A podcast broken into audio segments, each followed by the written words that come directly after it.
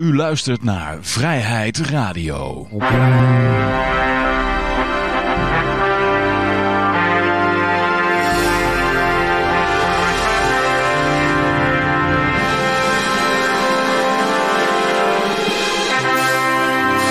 Ja, dames en heren, jongens en meisjes, het is weer een nieuwe aflevering van Vrijheid Radio. Leuk dat u luistert. We zitten hier gezellig in uh, Café Libertaria met op dit moment uh, Peter, Yoshi en Jurjen. En uh, mijn naam is Johan. En uh, ja, hartstikke idee. Uh, zullen we even kijken of we nog wat huishoudelijke me mededelingen kunnen doen? Uh, volgens mij niet, hè? Ja, oh ja. In Claim SLP, dat is t.me slash Claim SLP, kun je nu de Vrijheid Radio token krijgen. Die heet gewoon vrijheidradio.com. Als je erop klikt, dan kom je ook gewoon op de website. En uh, dat is een token, die geef ik gewoon weg. En uh, die kun je gewoon krijgen. En nou, hartstikke idee. Ja. Plezier. Wanneer komt de eerste smart, uh, smart versie uit? Ja, ik moet nog even kijken. Hè. Ik, ja. Als er een tip op komt, moet je dan zeggen. Ja, ja, ja, ja, ja. Ik, uh, ik, ik, ik, ja, als er een handige Harry is die leuke dingen programmeren, mag je gewoon bij Vrijheid Radio melden. En dan uh, kunnen we kijken of we er leuke dingen, dingetjes mee kunnen doen. Maar ik, ik, was, ik was deze week begonnen met, met Plutus, dus die programmeertaal voor Cardano. Ja, exact. Oh, wat, man, man, man. Dus ja, ik, ik ben nooit verder gekomen dan HTML en JavaScript, dus... Ja. Ik ben zelfs daar niet eens aan begonnen, Johan. Kan je nagaan. Uh, uh, uh. Maar goed, uh, ja, laten we beginnen. Um, ja, we beginnen gewoon eerst uh, met de goud, zilver, bitcoin en de staatsschuldmeter. En ik heb een heel leuk dingetje heb ik, uh, gemaakt. Dus ja, kijk. programmeren kan ik wel hoor. Kijk maar eens. Was deze knop? Ja, deze, ja. How dare you! Oh. oh, daar hebben we Greta. Greta, Greta kwam er ook bij. nee, kijk, je kunt nu ook uh, met ons meekijken. Dus uh, ja, laten we beginnen met, uh, met de bitcoin. de bitcoin is omhoog geschoten vandaag. Die staat op 41, nog wat duizend. Is echt de, vandaag gewoon bam omhoog gegaan, hè? Maar ja, vorige ja, maar week... gisteren, gisteren ook naar beneden, dus... Ja, maar vorige week stond hij ook op op 41.000. Dus uh, nou ja. Ja, wel Ethereum is omhoog, hè? 3700 dollar. Ja, ja, ja, inderdaad. Uh, de staatsschuldmeter. Uh, even kijken hoor, dit, ja. Ja, er zijn een aantal dingen omhoog gegaan. Ook Chainlink is omhoog gegaan. Uh, even kijken. Solana. Chain, ja, heel veel van die uh, dingetjes. naar verwachting zal Cardano ook wel omhoog gaan. Tenzij natuurlijk dat project weer wordt uitgesteld. Ze zijn nu bezig met die ene uh, update aan het uitrollen, hè? Ja, op 12 september komt er Smart iets. contracts, echt inkomen. Uh, Wordt dat geen uh, zelden news moment? Ik weet niet. Ja, in ieder geval tussen nu en, uh, en, en 12 september. En, nou, wat Johan sowieso zegt, als ze dit weer uitstellen, dan denk ik wel dat hij in ieder geval al op de 11e wat winst kan nemen. ja, ja, ja. Want de kans zit er wel in ja, je weet het nooit. Je weet het. Ja, je weet het nooit. Dat vind ik dan iets te veel. Ik, heb, ik let niet genoeg op Cardano om daar iets over te vinden. Nou, ik heb wel begrepen heb, hebben ze op testnet hebben ze het allemaal uh, uitgeprobeerd en dat ging allemaal goed. En dan gaan ze nou om, omzetten naar, uh, naar de gewone, zeg maar, met een soort vork de hardfork en zo. En dan, uh, dan kan iedereen erop, zeg maar. Uh, iedereen, ik heb het de vorige keer ook al een keertje verteld in de show. En ik heb er ook een uh, tekst over geschreven. Die gaat deze week, komt die online. Maar ze zijn aan het proberen om de bitcoin dominantie te manipuleren. En dat is in, in het kort mijn verhaal. Dat is toch al sinds Ethereum en Litecoin bestaan. Die willen allemaal de grootste worden. Dat is toch heel normaal. Noem een competitie. toch? Ja, maar ik noem het nu dus manipuleren. Dat is geen echte competitie, want dat zijn niet mensen zoals jij en ik die daarmee zitten te spelen, maar dat zijn mensen die met andere regels spelen die daarmee zitten te spelen. zoals? Nou, zoals mensen die ook eh, bijvoorbeeld in een goudmarkt manipuleren, die spelen dan ook met andere regeltjes, omdat ze bijvoorbeeld in de lettertjes van die contracten hebben staan dat ze kunnen settelen in dollars. En dan kunnen zij dus veel meer zilver verkopen als dat er daadwerkelijk op de markt uitstaat. Okay. Ze kunnen al die mensen gewoon dollars geven in plaats van zilver. Maar dat telt wel mee voor de prijs van zilver. En uh, zo kun je dus ook oneindig veel Ethereum kopen als je maar dollars bij blijft printen. Dan maakt het niet uit uh, wat, wat, de prijs is. Je moet, je moet ze in controle houden. Dat is jouw, uh, jij moet het narratief bepalen en dat is jouw doel. Maar de hele, hele punt is altijd dat mensen niet om levering vragen bij die zilver futures. Hè? Dus dat zijn allemaal speculanten. Die zitten eigenlijk niet te wachten op uh, zilver. Dus, dus ja, daarmee kan je inderdaad met die futures kan je een heleboel van dat metaal, virtueel metaal bijdrukken. En als mensen zouden zeggen, nou kom maar op, dan, dan, is, het probleem, dan is het een probleem. Dan is het een default, want dan kunnen ze niet leveren. Maar zolang ze aan het eind van het contract zeggen van nou, rol maar weer door naar de volgende, dan is, hebben, hebben ze geen probleem. En dan kan je het inderdaad. En de vraag is, kan je dat met crypto's ook doen, hè, als je futures hebt? Hm. Als mensen niet in de echte crypto gaan zitten, maar alleen in in een future contract om van de prijs te profiteren. Daar kan je ook zoveel van bijmaken als je wil. Ja, ik zou vertellen, ik heb dus een vriend die uh, een bankrekening heeft met bitcoins. Want ja, die, dat is zijn leeftijd en hoe dat er nou, weet je wel, die gozer koopt niet zelf zijn bitcoins, maar die gaat dan bij een bank zijn bitcoins stallen. Nou ja, goed. Dus uh, daar zit een withdrawal limit van 48 uur op. Dus dat, wordt dan verkocht als dat is... Uh, voor de beveiliging. Maar dus als jij op dat moment jouw bitcoins wil hebben, moet je altijd 48 uur wachten. Dus die bank, die kan eigenlijk die bitcoins die jij daarop stort, kunnen zij, uh, ja, hoeven zij helemaal niet op de markt uh, te hebben aangeschaft, want ze hebben 48 uur om dat te doen. Uh, nadat, hè, en zij bieden dan de op, zij maken dan natuurlijk de verbinding met jouw bankaccount waar je salaris op wordt gestort. En dit is dan een, uh, een piloot die, uh, voor, uh, die een Boeing vliegt.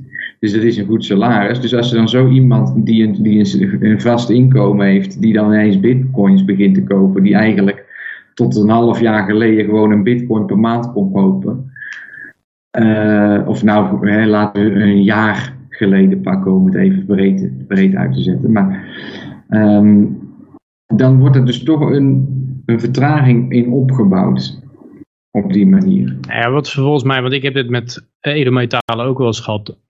dat ze het, uh, als je het bij een bank hebt staan of bij een broker en je verkoopt dat in zo'n fonds.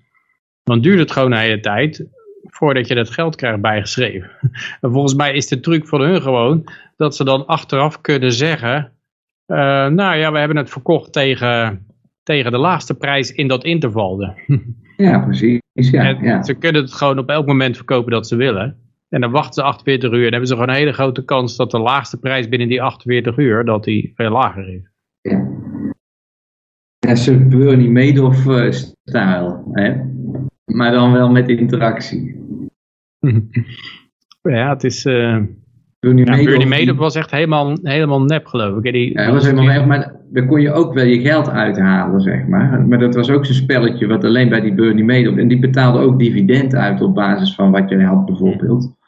Dus uh, er zijn mensen die er heel veel... Er zijn mensen die er heel veel uh, geld aan hebben verdiend, die waren er vroeg bij en die kregen gewoon, die hebben één keer ingelegd en die kregen continu, die hebben iets van tien jaar dividend ingepakt uh, en, en een paar keer goed gecashed. Nou, en die hebben daar uh, honderden miljoenen aan verdiend. Ja, het is een piramidespel. Dus als je er op tijd uit bent, dan is het prima allemaal. Ja, ja. De laatste zijn de backholders. Ja. Ik had, en dat is ehm, dus ook, eh, misschien, want daar komen we nog op, maar dat is nou dus ook wat een beetje in El Salvador gebeurt. Ja, ja, ja, wil ik zo meteen nog even naartoe. Ik, ik had hierachter trouwens nog alle projecten die dan op, uh, om je even een ideetje te, te geven. Dit staat allemaal te wachten op Becadano. Dat zie je op de achtergrond. Allemaal projecten die klaarstaan om uh, gelanceerd te worden zodra dat op die, uh, zodra die chain dan live gaat. Er staan allemaal dexen, weet je wel. Waar je dan kunt wisselen en zo. Ja, dat is allemaal NFT-projecten. Ja. En uh, nog veel meer gekkigheid. NFT, jongen. Ja. Waar hebben we het nou over? ja, nou ja, dus, uh, en nog veel meer hoor, er nog veel meer. Ik noem even twee dingetjes. dus, uh, en ook een DEX, dat is ook weer, ik ben benieuwd, er zal ook wel heel veel anders tussen zitten. Uh, maar ik ben eigenlijk bang van niet, want zij verkopen dat project als de, wij willen aan elke regulering voldoen project.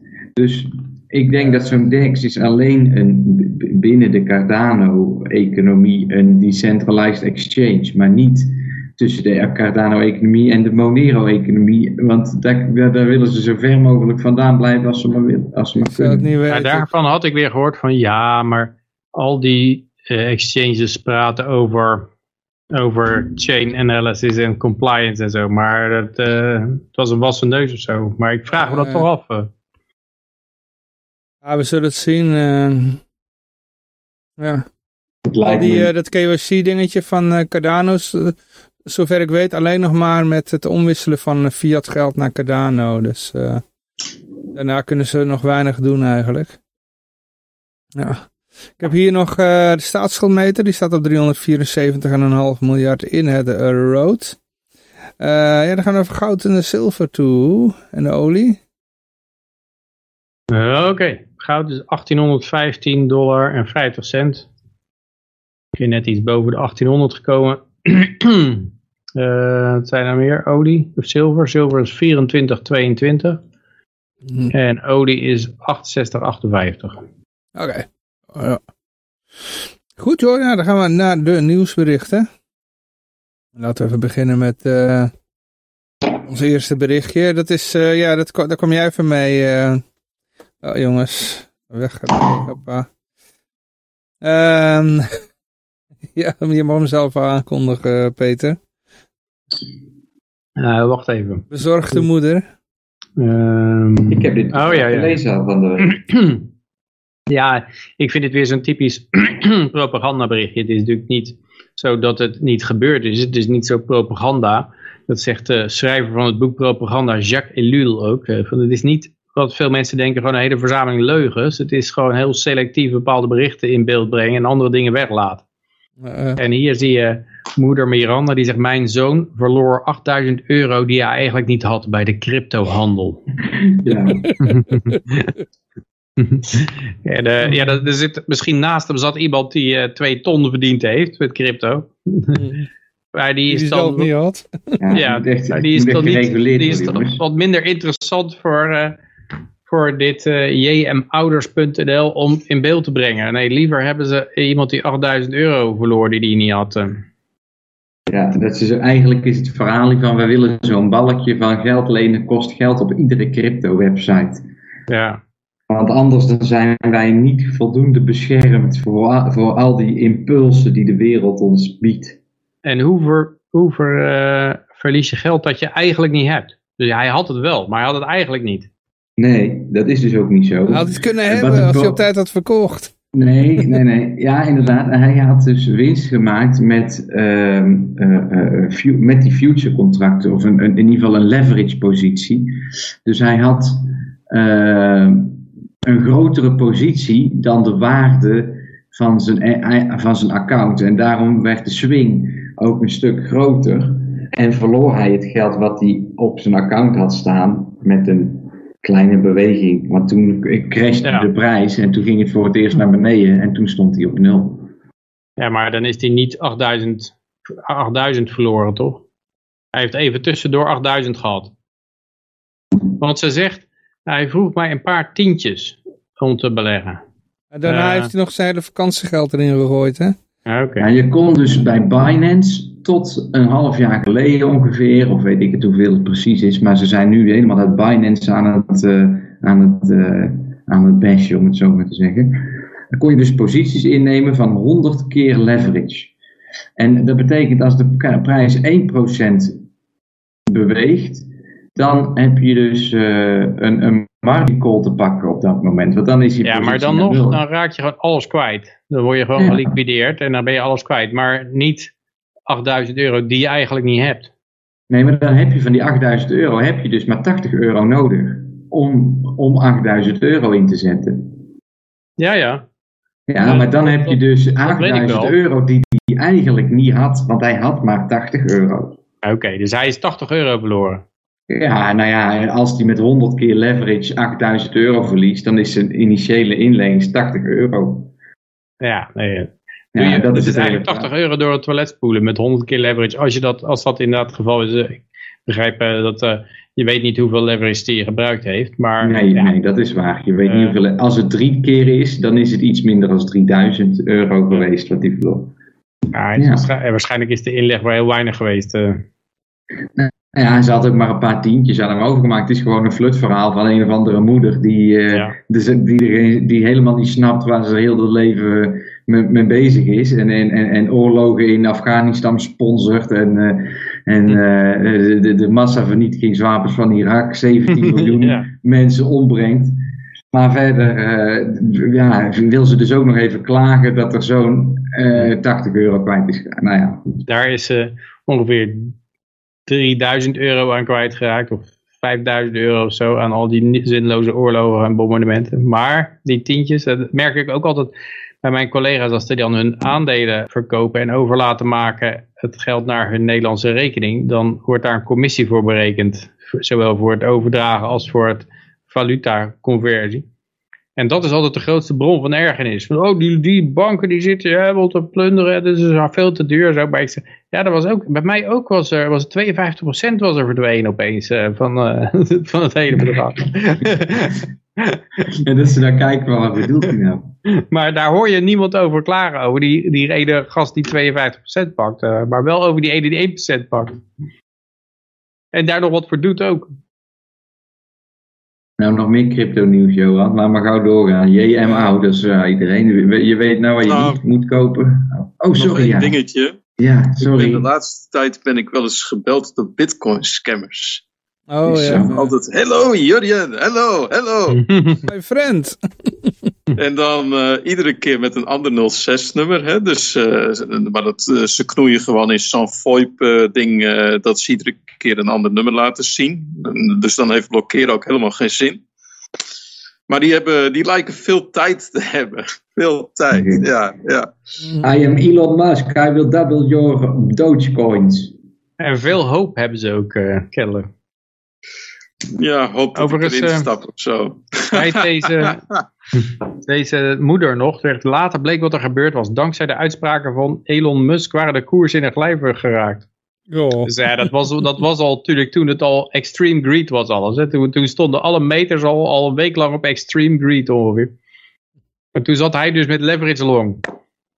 En Ja. ja, ja Eh, toen raakte hij Toen alles werd hij, kwijt. toen, ja, toen werd hij geliquideerd. Ja, het is... eh, Ik denk dat eh, Elon Musk, die zag gewoon een Wyckoff eh, distribution range eh, in wording. En die dacht van, als je nou op dat moment wat zegt, bam. dan kan ik het eh, eer, hoe heet het? Dan kan ik zeggen dat ik dus hem omlaag gepraat heb. Weet je Hij, kent het toverwoord. Hij kent het toverwoord. Want hij weet als hij energierekening zegt bij bitcoin, dat dan de prijs naar beneden gaat. Dus hij wacht Nee, nee, nee, tot die was gewoon omlaag gegaan, want het was een Wyckoff distribution range. En op een bepaald moment gaat het gewoon omlaag. En hij denkt van nou, eh, dan, dan ga ik gewoon wat zeggen. En hij gaat toch omlaag en dan zeggen mensen dat het door mij komt. Snap je? Ja, ik weet Ja. niet of hij nou allemaal zo eh, slim is en erover nadenkt. Het is meer, volgens mij, hij wilde die Tesla's laten betalen in bitcoin. Tot zover ging het allemaal goed. Toen kwamen er een paar mensen. Hij heeft natuurlijk een heleboel van de milieufreaks. eh, en- en ook subsidies krijgt hij een heleboel, milieusubsidies. En die zullen gezegd hebben van, hé, hey, eh, milieusubsidie, toedeledokie, eh als jij dat eh, doet. En toen moest hij dit wel terugdraaien. Oké. Maar hij heeft het niet teruggedraaid, want hij accepteert gewoon weer bitcoin. Ja? Ja, ja. Ja, hij accepteert ja, die, heet die nou, die, die, eh die Sinds een week of twee. Sailor had hem meegenomen naar een bitcoin farm en eh, laten zien dat het wel allemaal eh, milieuvriendelijk was. En toen eh, was hij weer overtuigd geraakt. Toevallig ging de bitcoin toen net weer omhoog, dus... eh, Hij is nou allemaal bezig met het oprichten van clubjes die... eh, hij wil bijvoorbeeld van Dogecoin wil hij proof of stake maken. ja. Er is gewoon een, een Doge proof of stake bestaat er. Eh, dat is Redcoin, die bestond ongeveer tegelijk met Doge. En dat is de, e- even dezelfde hoeveelheid, dezelfde bloktijd. Alleen proof of stake in plaats van proof of work. Dus, Ze hebben die Doge ja. Foundation weer opnieuw eh, het, uit de dood opgewekt, hè? ja. Dus nou ja, we zullen zien. Eh, nee, goed, ja. Zijn ehm, jullie trouwens eh, geïnteresseerd in wat het zakgeld per week is van, dit zie ik je net, omdat wij het vaak over inflatie hebben, per, voor kinderen, zakgeld. Oké. zakgeld per week. Dat vind ik wel even interessant. Die moeten we eh, eigenlijk opnemen in de, in de, in de Ik per had week, eh, ja. als kind vijf gulden. Dat ging naar een Oké. zilvervlootrekening. Hier, van 6 tot 8 jaar, halve tot anderhalve euro per week. Oh. Van eh 8 tot 10 jaar, 1 tot 2 euro per week. Dat is niet veel zeg. Ik kreeg, toen ik een jaar of acht was, kreeg ik een kwartje. Hmm. Nou, nee, toen was ik zes, denk ik. Toen kreeg ik een kwartje. Kwartje Hmm. zakgeld. Ik weet dat helemaal niet meer, joh. Wat ging nou drop precies van kopen. Dropjes van. Mhm. 10 tot Ja, 12, 2 tot krappe 3 euro. Middelbare scholieren, 12 tot 14, die krijgen... Nou, kan ik het dan weer niet vinden hier. Er staat er weer niet duidelijk. Oh, eh, oh eh, ruime 2 en 6 euro. Dat is een grote variatie. 14 tot 16 jaar. 14 krijgt meer dan 18 euro per maand. Per, nou, waarom is het nou opeens per maand? Maar ja, dat is, eh, ik vind die bedragen nog erg meevallen. Ik had gedacht dat die met de, met de crisis enorm gestegen waren allemaal. Met, of met de inflatie. Ja, ik, weet niet, ik kreeg gewoon vijf gulden. En als ik meer wilde verdienen, moest ik maar een krantenwijk lopen. Nee, maar dit zakgeld gaat natuurlijk niet mee met dit. Want als het zakgeld ineens zou stijgen, dan stijgen de inflatiecijfers van de overheid door het zakgeld. Dat is een loonprijsspiraal. Is het. Dat zijn allemaal van die, eh, dat zijn allemaal van die trucjes. ja, we, hou- we nemen de zakgeldberekening mee in de inflatiecijfers. En dan zijn die zakgeldcijfers, die Ja, maken ja. we ook zelf. Ik denk trouwens, Josje, dat je je camera iets eh, moet eh, verstellen. Want eh, je, de bovenkant van je hoofd is eh, buiten beeld. Valt er af. Net de mooiste, dus net de mooiste kant. Is Yoshi de eerste die door de Taliban wordt onthoofd? Ja, eh, eh, Nee, die hangt al aan een helikopter, hè? ja. Lekker. Ja, trouwens, die was, die was niet, eh, die We was gaan niet het zo nog over Taliban hebben. Dus eh, laten we even naar het volgende bericht gaan. Eh, eh, ja, crypto. Oh ja, er is een hotel in Zwitserland dat, eh, dat crypto eh, accepteert. En dit zeg ik niet zomaar, want er komt hierna nog een berichtje. En dus ik wil even een link leggen. Maar Jurjen, deze kwam van jou, geloof ik. Eh, niet dus. Even kijken. Ik ga eventjes naar je berichtje toe. Ja, je stuurde me een berichtje op van eh, hotel in Zwitserland dat eh, crypto accepteert. Je kan tot 200 Zwitserse franken kan je bitcoin of ether gebruiken. Nee, dus als je gewoon een, gewoon een enorme rekening daar even met crypto wil afrekenen, dan zeggen ze van eh, ho ho ho. Dat gaat zomaar niet. Tot 200 Ja, Zwitserse frank.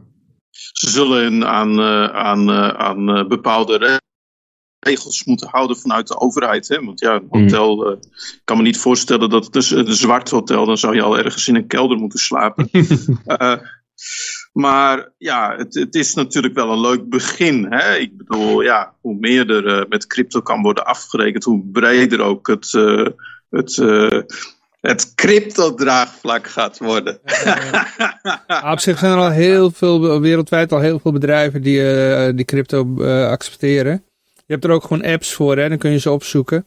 In Nederland zijn er ook best wel veel. Ik heb laatst nog naar lopen zoeken. Van wie er in Nederland allemaal eh, bitcoin of andere crypto accepteren. En er zijn er best wel veel. Er zijn er zelfs die ehm e-gulden accepteren, hè? Toch, Yoshi? Eh, Wat accepteert e-gulden? Nou, je Bedrijf. dat er, dat er wel ook nog een paar bedrijven waren die e-gulden... Jazeker, ja, ja, je moet maar eens naar efl.nl heb je nou ook een eh, locatie, eh, dan kun je de locatie laten zien en er komt binnenkort komt er wat nieuws uit. Dus we houden je, er komt, een, komt nog een nieuwtje. Maar de reden dat ik dit plaats heeft te maken met het volgende bericht. Dat gaan we nu even zien. Het is namelijk een land dat ook overgaat op, eh, op bitcoin en andere cryptovaluta. En dat is eh, Cuba. Wie had dat gedacht? Onder strikte regulering werd erbij gezet. Ja, Ze zullen geen, eh, ze zullen geen wild west hebben. dat zeggen ze allemaal, hè? Er staat er zo'n foto bij. Die, die... Ja, dus ik denk toch dat het iets wordt dat je dus alleen maar de bitcoins kan uitgeven die je van de overheid hebt ontvangen. Zoiets zal het worden. Of Maar je denkt niet dat ze toeristen willen die daar de, de big boss gaan uithangen met hun crypto. Ik denk dat er, nou, dat kan wel, maar dan heb je dus een apparaat voor die, eh, voor die bitcoin. Eentje, en, en daar moet je dan eerst je paspoort eh, gebruiken om geregistreerd te worden. En dan kun je per dag, ongeveer weet ik het wat, misschien 1000, 2000 dollar per dag wisselen Maar niet uh, in één keer dat je daar... En ze hadden daar in Cuba twee munteenheden. één voor de lokale bevolking en één voor de toeristen. Dus dan, dan, uh, ja, dus dan, dan krijg je waarschijnlijk die toeristenmunt krijg je er dan voor. En dan... Uh, want die toeristenmunt, dat, ja, dat is eigenlijk heel onvoordelig om daar dan zaken in te doen. Dus dan kan je waarschijnlijk één bitcoin tegen één uh, ding is uh, convertado of zo, hoe heet dat ding? Dat, escudido convertado. Hele ongunstige koers. En dan, nee, nee, het is mogelijk. Maar ja, weinig animo voor. Nou, het kan ook anders. Hè? Ze kunnen het in principe ook helemaal vrijgeven. Maar dan wel dat ze mensen een hele digitaal verkeer bespieden. En dat gebeurt in meer landen, dat je ja. biometrisch je simkaart moet registreren en uh, dat ze al je telefoonverkeer aftappen en uh, internet. Ja, maar als je wel eens in Cuba geweest bent en je ziet wat voor bargerzooi er is, dan zie ik dat nog niet van de grond komen daar. Ik heb, uh, ik heb een filmpje van John McAfee gezien deze week, wat na zijn dood volgens mij is uitgekomen, want hij zegt daarover, this is the reason why they killed me. Die heet het filmpje. En dan uh, zie je John McAfee zie, zie praten en die zegt van, uh, uh, als je porno bezoekt, porno websites, dan moet je altijd even doorklikken. En op het moment dat je dat doet, dan wordt er een keylogger geïnstalleerd op je device. En dan vanaf dat moment geef je dus alle commando's die je computer ingaan, die worden doorgespeeld naar een partij die daar zijn voordeel bij behaald. Oké. maar waarom is hij dan vermoord?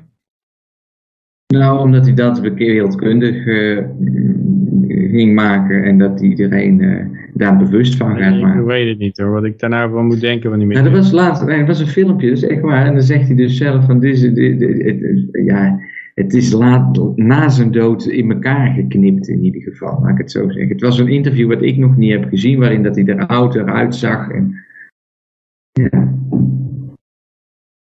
Oké, ja.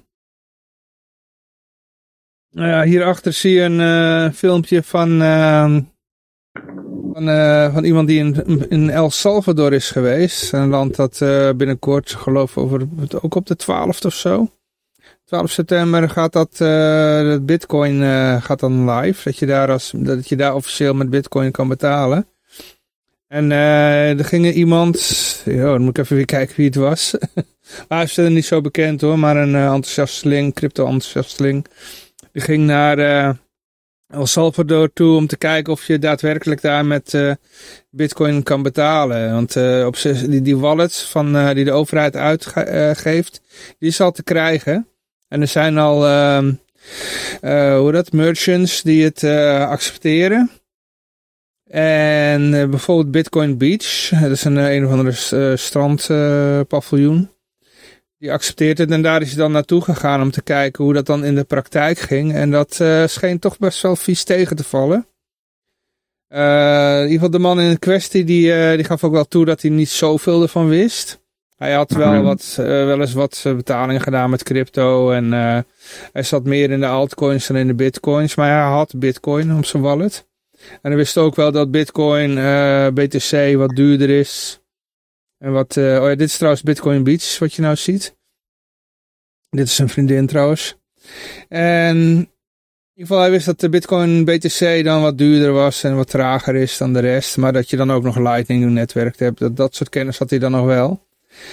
En hij kwam er dan ook spelenderwijs achter dat de wallet die daar in El Salvador gebruikt uh, wordt. En die dan door, die die komt dan van het bedrijf Strike.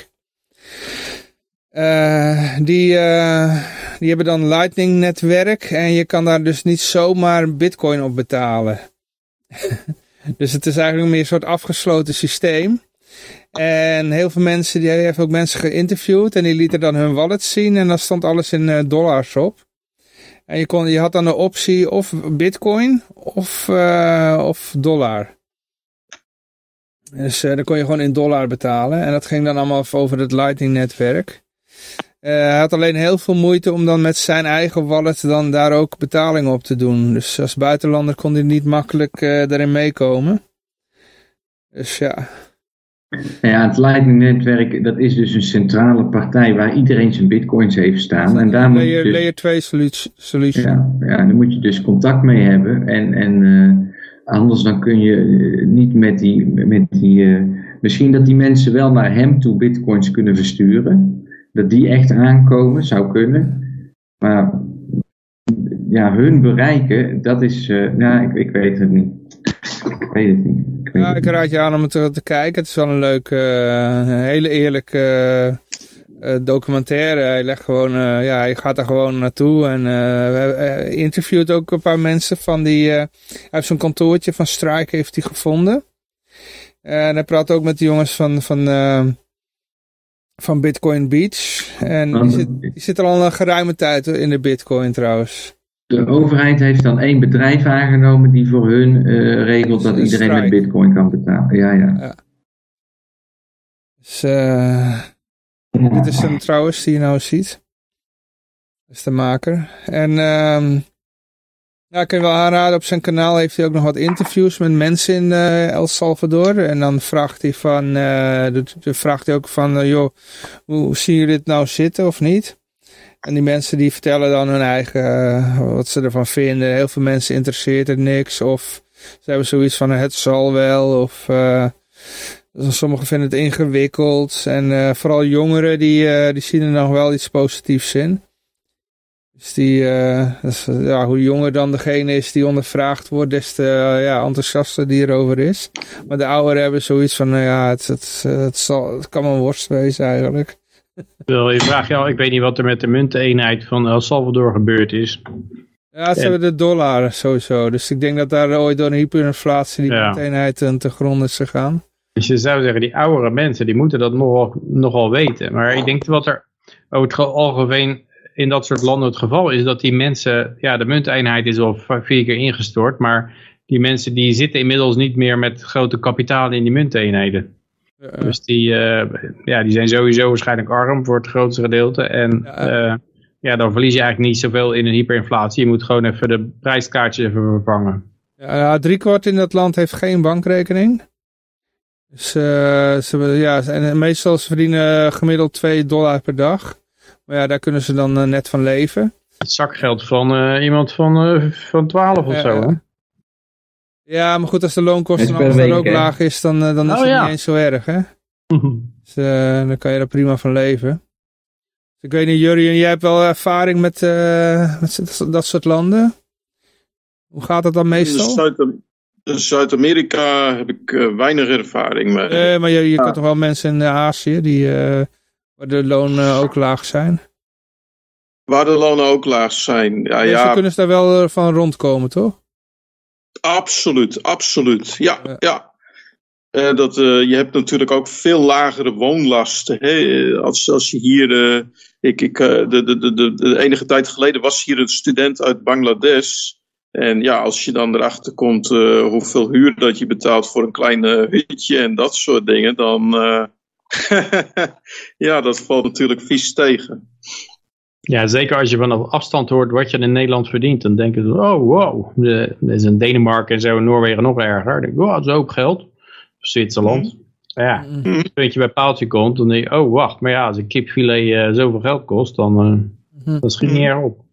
Ik Maar weet dat nog iemand uit Bangladesh eh, tegen me vertelde. Die moest, eh, die moest naar een hotel om, eh, om wat zaken te doen. En die zei: de, Een kopje koffie kost hier wel 50 cent. ja, ja. Nee, het kan verkeren. Het kan verkeren. Ja, Mijn ouders hadden vroeger mensen uit Rusland op bezoek, ook niet lang nadat de Sovjet-Unie uit elkaar gevallen was. En die weigerden gewoon hier een kopje koffie te nemen op het strand. Of zelfs maar getrakteerd te worden. Want eh, thuis kon je veel goedkoper koffie drinken. En eh, dat, was, eh, dat was enorm eh, weggooien van geld. Het is voor mij wel dit verhaal het, het aantonen waarom dat ik dus dat, dat Lightning-netwerk maar niks vind. Als er dus in, inderdaad één bedrijf wordt aangesteld door de overheid om dat te gaan regelen. Dan vind ik dat die, dat die Panamezen of hoe dat die mensen daar ook mogen heten. El Salvadorianen. Oh, ik dacht dat het in, Pa- eh, oh, in El Salvador. Eh, eh, Ehm, dat die beter hun eigen El Salvador munt kunnen oprichten en eisen van de overheid dat het gewoon uh, betaalmiddel is. Snap je? Ze moeten gewoon dat, dat geld gaan gebruiken en, en niet wat nou in de overheid via een bedrijf. Gewoon alle crypto's toestaan. Ja, precies. Jij bepaalt wat je, wat je waard bent. En als jij het in, in een andere valuta wil ontvangen, dan is er niemand die jou daarin tegen hoeft te houden. In ieder geval niet als je, als je crypto geld gebruikt, want dat, dat is ongecensureerd. Gaat het altijd door. Dus. Ja, maar het is dus wel duidelijk dat die, dat die El Salvador president niet geïnteresseerd was in oncensureerbaar geld. Nee, hij, hij, heeft het allemaal via dat ene bedrijf gedaan en waarschijnlijk krijgt hij van dat bedrijf te horen als er een verdachte transactie is. Ja, ja ik, ik heb het idee dat het ook een beetje een afgesloten systeem is. Dus daarom kon hij die toeristen niet zo makkelijk bijkomen. Met zijn, als hij een betaling wilde doen, dan lukte dat daar niet. Hij had trouwens wel wegen erom omheen gevonden. Hij moest zelf ook dus die... Uh, oh ja, dat liet hij nog even zien. Hij moest zelf die Strike wallet downloaden. En daar... en uitgebreide KYC doen wie hij was en al zijn gegevens mm. moesten ingevuld worden. En toen pas kon hij dus met die andere mensen daar uh, betalingen doen. Ja, ja dus ja. helemaal, helemaal duidelijk wat... Uh... Ja, en nu snap je inderdaad dus wat er aan de hand is. Het is inderdaad, het moet helemaal, uh, de, de overheid moet het helemaal kunnen controleren wie er wat betaalt. Ja, ja ik las zelfs dat bij de Bitcoin show, zag ik al de titel voorbij komen, El Salvador, een wassen neus. ja, ik weet niet wat hun ervan vinden, maar uh, ze zijn weer op YouTube of? Uh... Nee, dat is een podcast titel. Oh, oké, oké. Ja. Overigens, uh, wij zitten ook op Library tegenwoordig. Hè? Of op Odyssey heet dat dan tegenwoordig. Ja, en ik, binnenkort zit ik ook nog op Rumble. Ik, ik, ik, ga wel daar de uitzending posten. Maar de livestream optie die is er nog niet voor mij. Of ik moest dan geld betalen. Dus ik denk, wacht wel even tot de gratis versie. Voor die library of die Rumble? voor Rumble. Voor library is het ah. gewoon gratis. Dus, uh, maar daar kun je nu al kijken op library. Ik heb wel een paar van die library tokens. Ja, ik ook. En die Rumble, die heb ik niet. Uh, maar dat is niet, die hebben niet hun eigen munt. Oh, dat weet ik niet. Maar... Dat weet ik niet. Nee, dat weet ik ook niet. Omdat je zegt je moet betalen. Hoe betaal je dan? Uh, volgens mij was het gewoon in dollars of zo. Maar... Maar goed, ze zeggen dat ze binnenkort met een gratis versie uitkomen. Dus dan uh, wacht ik nog even. Dus uh, ik zit voorlopig nog op, uh, op YouTube. het punt met het hele verhaal is altijd, hoe ga je het financieren? Want ik zag laatst ook, wat was het nou? een of ander permanent oncensureerbaar web. En die stoorden hun files dan op IP, Interplanetary File Servers, weet je wel. Die, dat is ook zo'n gedistribueerd filesysteem. Mm Maar het nadeel daarvan is dat het allemaal op vrijwilligheid berust. Dus ja, wie gaat er nou voor, voor zijn lol gigabytes aan, uh, of terabytes aan disk space neerzetten en aan het, aan het net hangen en het zal van wel bekostigen. Daar moet een soort incentive voor zijn, anders dan gaat dat... Nou, dan, moet je maar ja, dan krijg je zo'n library coin of zoiets. Nee, je moet ook maar eens mate save, M-A-I-D.S-A-F-E. Hmm. Uh, ja, nee, je hebt ook uh, die Filecoin heb je en SIA, dat zijn de gedistribueerde ja. filesystemen die op crypto, met crypto beloning werken. Mm Dat lijkt me veel sustainable. En dan dat Arweave of zo, Arweave, ja, ja, met Solana. Mm Dus ja. maar nu komen we bij uh, de reden waarom Jurjen hier is. Je mag het zelf aankondigen, Jurjen. Want jij uh, had uh, weer mot met uh, onze grote vrienden van de Belastingdienst? Weer mot? Nee. Ik heb niet zo vaak mot met ze. Alleen deze weekend, of dit weekend, kreeg ik een, kreeg ik een brief. Oh, een mooie blauwe envelop. Een mooie blauwe envelop. Ik de envelop openmaken. En ik zie een rekening van 5.500 euro. Yo, voor een, eh, een, een eenmanszaakje dat ik ooit heb geregistreerd om, uh, ja, om mijn vrienden in Bangladesh een beetje te kunnen helpen. Dus als ik eens iets voor ze doe, dat ik dan, uh, dat ik dan netjes BTW kan afdragen en ja, dat soort dingen. Um, maar dat is, ja, dat fout. Want ik had gewoon netjes op, op tijd een nulaangifte gedaan, hè, want ik had uh, ja, niks te melden. Uh, en uh, ja, door ik hoor te, veel het woord netjes, hm? Ik hoor te veel het woord netjes. netjes Nee, mijn, nee, netjes nee, mijn is, belasting betaald. Nee, dat is Ga gewoon eh, dat, dat eh, ehm, wat ik daarmee bedoel is dat, ehm, nou ja, dat, dat, dat, nee, er was een nulaangifte, hè, dus eh, dan, dan hoef je geen belasting te betalen. Maar als je dat op tijd netjes, dan horen ze je niet eh, te bestoken met een rekening en een, eh, en een boete natuurlijk. Hè, want dat zat er ook nog bij. Alleen ja, dat bleek inderdaad een technisch mankement uiteraard bij de Belastingdienst. en daar is gelukkig ook een artikel over, zoals jullie kunnen lezen. Ja, En hoe kwam die binnen op dat moment, Jurien? ja Hoe voelde je je? je Wat ging er door nou je heen? ja, dat is, dat is natuurlijk niet leuk als je een rekening van 5.500 je denkt van, eh, nou het is onterecht, hè, want dat weet je wel, maar ja, je, weet, je, je, je, je denkt dan moet je met, met, met van die mensen onder eh, praten die zo flexibel zijn als een deur. maar dat viel gelukkig, eh, ja, viel gelukkig mee. Eh, Hm. hè, al heel snel eh, even op Twitter gekeken, even gezocht op, eh, op wat was het, naheffings uh, Hubbel de Pub. En eh, ja, dan vond, je ook al, vond ik ook al snel een artikel dat het bleek dat het ging om een bug. Dus ja, dan, eh, dat is dan wel weer een geruststelling. Het punt is waarschijnlijk, als jij een Ja. enorm bedrijf hebt, dat je het niet door hebt misschien, eh, dit soort dingen.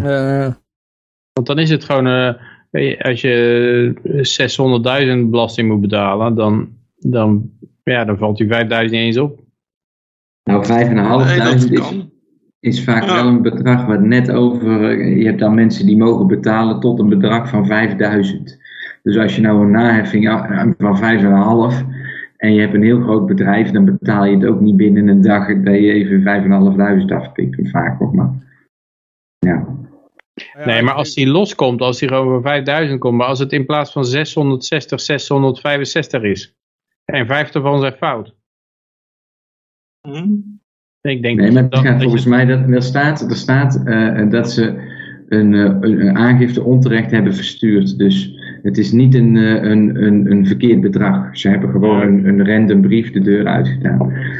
Ja, ik vraag me af, maar ja, dat is mijn eh, clownsneus die dan op, eh, die weer begint te jeuken. Oh, nou, maar als je nou toch met die angstporno die mensen in een soort mind control wil houden, ga je dan op een gegeven moment ook zulke brieven gewoon per ongeluk expres de deur uitjagen om gewoon bij mensen even die rekening van 5.500 en een hartverzakking te veroorzaken van "Eh, wat gebeurt er nou weer? Nou, en dan, eh, snap je, dus eh, dat denk ik dan als ik zoiets lees van hoe, hoe kan dit nou zomaar ineens fout gaan, terwijl het je gewoon... Hè, is dat een stagiair op een knop te drukken en dan vliegen er opeens eh, enveloppen de deur uit. eh. Dus, dus dat er gewoon iemand met een, baby die was bij, eh, bij thuiswerken met zijn vingers op de toetsenbord rammen zo en dan komt er 5, 5, 5, 5, 5, enter, boom, hup, gelijk. Nou, het kan ook zijn, wat het dus ook kan zijn, is dat nu de Belastingdienst dit gewoon de deur uit heeft gedaan, waardoor dat de kwartaalcijfers van de BV Nederland voor Prinsjesdag nu ineens superveel Oh, ja. moeten ontvangen. Dus nou ziet Nederland er economisch ineens een heel stuk anders uit. En die getallen die zijn al gebruikt.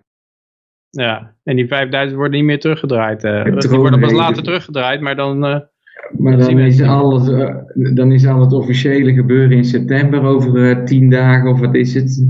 Is, eh, nou, het is deze keer een late tweede dinsdag, want het is vandaag de eerste en het is woensdag. Dus de tweede dinsdag van september valt pas op de veertiende. Dat is de laatste tweede dinsdag die het kan zijn. Hè. toch de derde dinsdag? Derde dinsdag, dan is het de 21ste. Nou, dus we hebben een late Prinsjesdag van het jaar. En eh, misschien dat ze zo wel eventjes de cijfers op hebben gepoetst. Die gaan altijd nog even lekken. hè? Nee, ja, oké. maar ik, als je nou, eh, ja, nou. Het zijn allemaal vorderingen die in het systeem staan op 31 juli. Op 30 juni. Het is een claim inderdaad. En als je het nergens anders behalve op textlive.nl uh, publiceert, want ik heb hier niks over gehoord. Ja, het is in Amerika is het ook wel een traditie dat, uh, of tenminste, sommige mensen hebben dat wel eens waargenomen, dat cijfers soms in eerste instantie optimistisch zijn. En dat de correctie dan, er komt altijd drie maanden later een correctie achteraf, dat, dat niemand dat toch leest. Ik zeg, het is alleen maar een clowntje neus die jeukt. Dus ik kan hier verder ook geen bewijs voor aanleveren dat het zo is. Maar ja. Mm Het is lastig te zeggen, maar het is, wel een, uh, het is wel een interessante narratief inderdaad. Dat ze aan window dressing doen om hele mooie cijfers straks te presenteren op de derde dinsdag van september. Iets minder en lelijk. Dat, dat uh, zoals zoveel met, uh, met menig kabinet, en niet niet alleen het Nederlandse kabinet, maar ook heel veel kabinetten uit andere landen, dat het dan achteraf gewoon fake nieuws blijkt te zijn. Tegenwoordig is de kans inderdaad wel heel groot, ja. Ja, er moet sowieso een heleboel van die staatsschuld in een of andere special vehicle zitten, want, want die teller die gaat omlaag. Nou, dat kan onmogelijk met al die, al die uh, steun die er gegeven is. Ja, ik weet niet of jullie wel eens naar de verhaaltjes van Arno Wellens luisteren, maar die vertelde dus eigenlijk dat er sinds een bepaalde datum in het verleden ergens, een, een, uh, een, ergens in de Europese wetgeving een lid uit een wettekst geschrapt is. En vanaf dat moment kunnen dus uh, staten kunnen, derivaten afsluiten voor korte tijd waarmee dat ze schulden buiten de balans kunnen houden, omdat ze dan een lopende positie hebben in plaats van een balanspositie. En um, dat gebeurt dus ook volop. Heeft hij al een aantal keer op verschillende kanalen in geuren en kleuren lopen te vertellen. Dus dat moet je maar eens hm. terugkijken, want het is. Er gaat een wereld voor je open, denk ik. Ja, het was een soort bad bank waar je even alle schulden in dumpte. Daar zou je die moeder, die moeder van uh, de, het eerste artikel van vandaag, zou je daar eens een keer naar moeten laten ja. kijken. Mijn, mijn zoon verloor 8000 euro die hij eigenlijk niet had. ja. Ja. Maar de VVD en D66 uh, notitie, ja, hier hebben we hem. Uh, minder markt, meer overheid. Ja. Het zou zomaar van de SP kunnen komen. Ja, dit zijn dan uh, liberalen, hè? Ja. En ze willen nou niet met links definitief samenwerken, hoorde ik. CDA, VVD in ieder geval. Ze wilden niet met GroenLinks, PvdA onderhandelen. Die hebben nog erger ideeën dan misschien. Of uh, ja, waarom nog inderdaad? Als ze zijn allemaal voor dan minder markt, heel erg op elkaar lijken. het, het, het, het vreemde is dat er zo lang, lang is dooronderhandeld met de PvdA. Want de PvdA die wilde de lasten met 42 miljard verhogen voor bedrijven. Hè? Dus MKB Nederland heeft ook al heel snel aangegeven, ja, dat is, uh, ik, weet niet, uh, ze zeiden van dat is een heel gek plan in ieder geval. En ja, toch is er heel lang nog met die P van de A, met die, uh, met, met die gekke plauwen is er onderhandeld. Waar het uiteindelijk is vastgelopen, ja, het is... Het, het lijkt wel een beetje. Ik snap het niet helemaal. Omdat er überhaupt je, je met zo'n. een beetje. Hij nam het even letterlijk. Het, het, liep echt even vast. Je zei het loopt vast en toen liep het vast. Nog een keertje. Ja.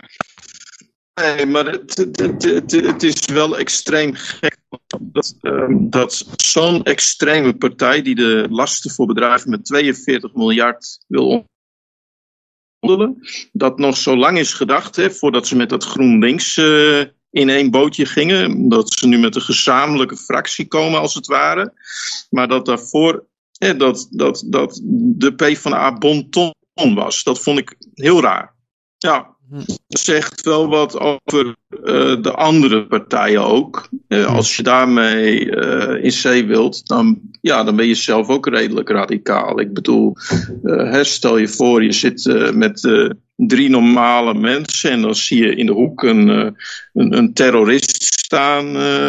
en dan je zegt je, ah, goed, daar gaan we eventjes en zegt, dan, dan komt Greta Thunberg om de hoek. Dan zegt dan zegt die terrorist van, nou, ik wil wel met Greta Thunberg één eh, fractie gaan vormen. Dat je dan in één keer zegt, nou, nu hoeven die terroristen niet meer. Heel raar. Ja, je snapt ook niet dat na zo'n crisis waarbij het bedrijfsleven helemaal de nek is omgedraaid. Je moet, moet je je voorstellen dat je een restaurant bent, dat je een jaar ongeveer dicht moest of alleen een beetje moest overlezen van wegbrengmaaltijden waar je niks aan verdient omdat er geen drankjes bij zit. Uh, en thuis de mars. De rest van de marsje op. Ja, hè? ook, nog, ook ja. nog. Dus, uh, en, de, en dan komt er iemand en zegt, nou ja, de belasting uh, voor bedrijven met 42 miljard omhoog. Uh, ja. ja, heel raar. Ja, je snapt niet dat er nog mensen doorgaan. Ik vind het wel heel moedig van ondernemers dat ze dat, ze dat aandurven in dit land. Zeker. Maar dan gaan we nog even verder kijken hoor, in de, de ellende uh, die, uh, waar we allemaal mee te maken hebben. Oh ja, hier kijk, een, uh, oh jongens, ja. um, ontslag voor, het kan dus, het kan dus, ambtenaar ontslaan. Ontslag voor opsporingsambtenaar die stal bij de appie. Normaal kom je nooit vanzelf hè, van een ambtenaar. Of gemiddelde ontslagbescherming, Cabo. deed hij niet gewoon uh, onderzoek naar de keuringdienst voor waren en zo? Nee, ik deed alleen uh, zakelijk onderzoek of... Uh, ik weet niet hoe het alle voedselwaren wel in orde waren. Even verder dan de koppen komen, denk ik. wat staat er in de tekst? Er staat de gemeente Rotterdam mag een opsporingsambtenaar ontslaan die boodschappen achterover drukte bij de Albert Heijn, waar haar dochter achter de kassa zat. Volgens de vrouw is er sprake van, van de verzachtende omstandigheden. Het is ook wel belachelijk dat je, je dochter achter de kassa zit en dat je moeder daar aan het stelen is. Man. Oh man. Ze werkte bij de afdeling handhaving van het cluster stadsbeheer. BOA's moesten asociaal gedrag van burgers voorkomen. En mogen daarbij onder meer ook boetes uitschrijven. Dus, zoals stelen uit Albert Heijn. Oei, Mag die dochter nog steeds daar werken? Ja, ik weet niet wat er met die dochter aan de hand is. Dat het niet ging om een kleine of impulsieve winkeldiefstal, dat is kennelijk nog te ver vergeven, bleek uit camerabeelden die tonen hoe de vrouw in de supermarkt aan de Rotterdamse Hessenplaats op vijf verschillende dagen een volle kar boodschappen af rekenen bij haar dochter, die daar cashier was. Daarbij pinnen de vrouw minimale bedragen tussen de 1,35 en 7,35 euro.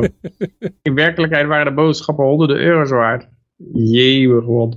hoe, hoe dom je ben je wel niet dat je daarmee weg denkt te kunnen komen? Uh. Nou, ik wil ook afvragen wat voor, wat voor criteria handhaving hebben. Hè? Want deze mevrouw die heeft heel weinig moraliteit, integriteit. Ja, Waar, ja, het is vaak een beetje uitkering, uitkeringsniveau, hè? Okay. Ja, maar wat wel apart is, staat er, de, de ambtenaar erkende tijdens het vervolgonderzoek te weinig voor de boodschappen te hebben betaald. Oké. Daarbij verklaarde de vrouw dat zij er de eerste keer pas achter kwam nadat zij al thuis was gekomen. Daarbij zou zij haar dochter er boos de les over hebben gelezen. Van foei, foei, foei, dochter, dat je zo'n laag bedrag hebt gegeven. De latere keren zou ze er niet meer bewust van zijn geweest. Dat is ook apart. Dus de eer... Geen actieve dus herinnering meer. nee, dus de eerste keer zeg ik, ik kwam er thuis pas achter. En toen heb ik me, tegen mijn dochter gezegd, nou, ze schuift eigenlijk op de dochter af. Van de, vreselijk wat je daar gedaan hebt. Maar de volgende keer ging ze er niet meer op letten of zo. Dan rekent ze weer gewoon een hele volle kar af voor 1,35 euro. En toen was het ze niet opgevallen. Ja, ja.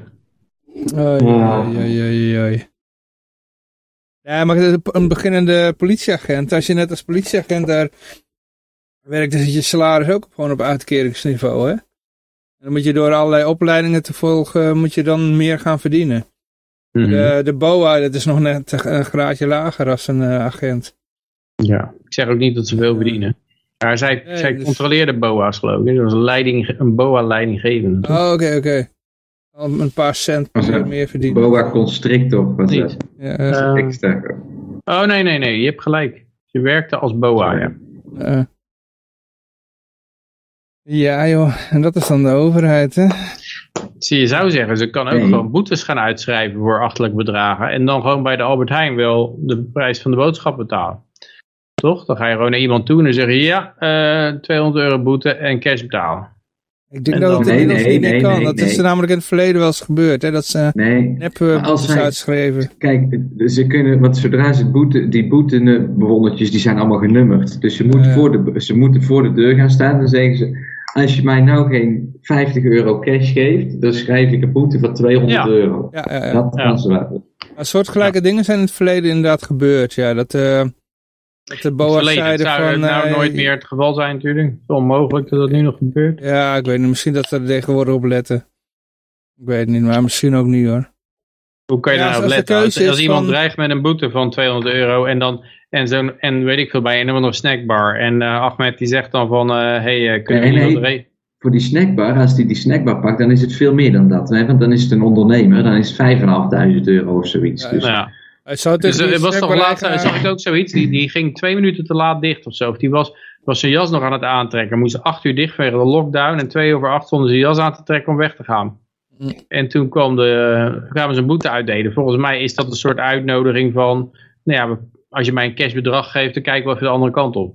Ja, eh, Ja, ik denk dus dat het bij die mensen eh, die dan daar net mee beginnen, ja, die zijn zo. dus- ja, kijk, eh, ik- mag, ik wat zeggen? Eh, Als je, als jij zo'n snackbar-eigenaar bent, je hebt overal camera's hangen in je zaak. Als zo'n boa daar langskomt en die doet zo'n voorstel van eh, eh, 50-50, weet je wel. Of iets anders. Van eh, je betaalt mij een klein bedrag en eh, dan, eh, zie ik, dan hoef je die boete niet te betalen. Ja, die, die gaat dan weer opbellen en die zegt nou ik had hier een, een boa en eh, die Nee, heeft dat en wel, dat hey, gedaan. En Dan zeg eh, je, gemeente, ik heb nou zulke beelden. Als je nou geen, eh, kan ook. als je me nou geen miljoen geeft, 100.000 euro geven. dan zet ik alles op Facebook. En Ja, morgen ja, kom ik op Hart van Nederland. Als je me nu niet een drankvergunning cadeau doet. En dan weer eroverheen gaan. Ja. Nee, maar dat Ja, moet ja. dan zo gaan van... eh hey, eh, ik kan wel de andere kant op kijken, maar dan eh, moet ik straks in mijn eh, zakje patat dat ik bestel, moet ik eh 100 euro vinden. En daar kan die vent niks bewezen met zijn camerabeelden. Ja, ja, ja. Ja, ja, ja. Er moet ook een richtmicrofoon op zitten. Is Nederland zak in die corruptieindex? Het eh, met Nederland op dit Oh, moment? wat zeg je allemaal, eh, Jurjen? Ik zei van, is Nederland zakken in die index? Hmm. Oei. Misschien Nee, zit je eh, iets te, te dicht tussen het beton. Misschien moet je meer bij het raam gaan. eh ik denk dat je te veel VPN's ertussen hebt zitten. kan Jurgen. ook nog. Of eh, ik weet niet of je op wifi zit of op... Geef nou niet Data- meteen wifi de schuld weer. eh. Kun je me nu horen? Ja, we horen je wel, maar je vervormt. en je Oh. onderbreekt, je hikt de hele tijd. Je had je, je beeld al uitgezet, hè? Ja, dat staat eruit. Ja.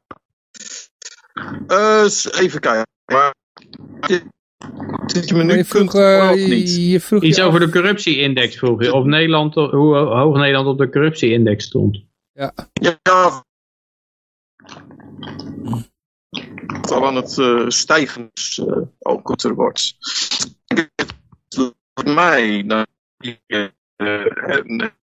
maatregelen, de politie geworden, de maatregelen wordt, komt er ook meer corruptie. Daar lijkt me, daar lijkt me een verband tussen linksom of rechtsom.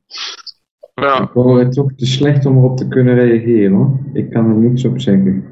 Maar ik denk dat als, als er meer boetes uitgedeeld worden, als het volume omhoog gaat, en de BOA's is ook natuurlijk wat lager opgeleid, allooi mensen, dan kan ik me alleen maar voorstellen dat de hoeveelheid corruptie ook omhoog gaat. Mhm. Tenminste, wat dan corruptie wordt genoemd. Hè? Want ik vind het hele facet. Het is niet pas corrupt als de, eh, als de ambtenaar het geld in zijn eigen zak steekt, de BOA. En niet corrupt als hij het geld aan zijn baas geeft. En het dan weer terugkrijgt als salaris. Het is gewoon eigenlijk allemaal corrupt natuurlijk. Ja, ja, ja. En je moet eigenlijk gewoon zo'n soort eh Uber-boa, die het dan goedkoper doet. Die geeft goedkopere boetes. Ja, een soort race to the bottom. Ja. Hm. Ja, maar ik, ik had ook gehoord dat die- gewoon mensen van een sociale werkplaats, die kunnen ook gewoon BOA worden. Hè? Dus dat zegt al wat over het niveau. Hè? Hm. Dus ja, Dat je zo'n super agressieve boa voor je hebt, jongen. Dat hij helemaal uit zijn dak gaat. En die heeft net zijn, eh, zijn zesde booster shot gekregen. En die loopt dan over de straat en begint er helemaal op los te slaan. En zijn immuunsysteem giert door zijn, eh, door zijn strot heen. Heeft het idee dat raak aan jij? alle kanten aangevallen wordt. Helemaal Waarom draag jij geen masker hier, Bart? voor je eigen veiligheid. Bam, bam. ja. Maar we worden nog, op nog meer eh, manieren beroofd. Eh onze Timmer Frans, hey, daar hebben we hem weer hoor. Al een tijdje niks meer van gehoord. Dat Het is, is een eh, groene zomer.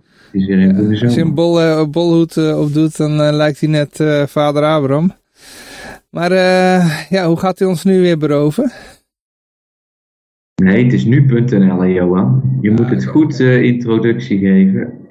We Ja, de, de zullen... Fabeltjeskrant jingle, die, eh god, ja, die heb ik hier. Ja, ja, de fabeltjeskrant. Ja, hoppakee. Ja, het is gewoon te gek voor woorden dat de, de titel van dit eh, verhaal is van de Nederlandse bank. Hè?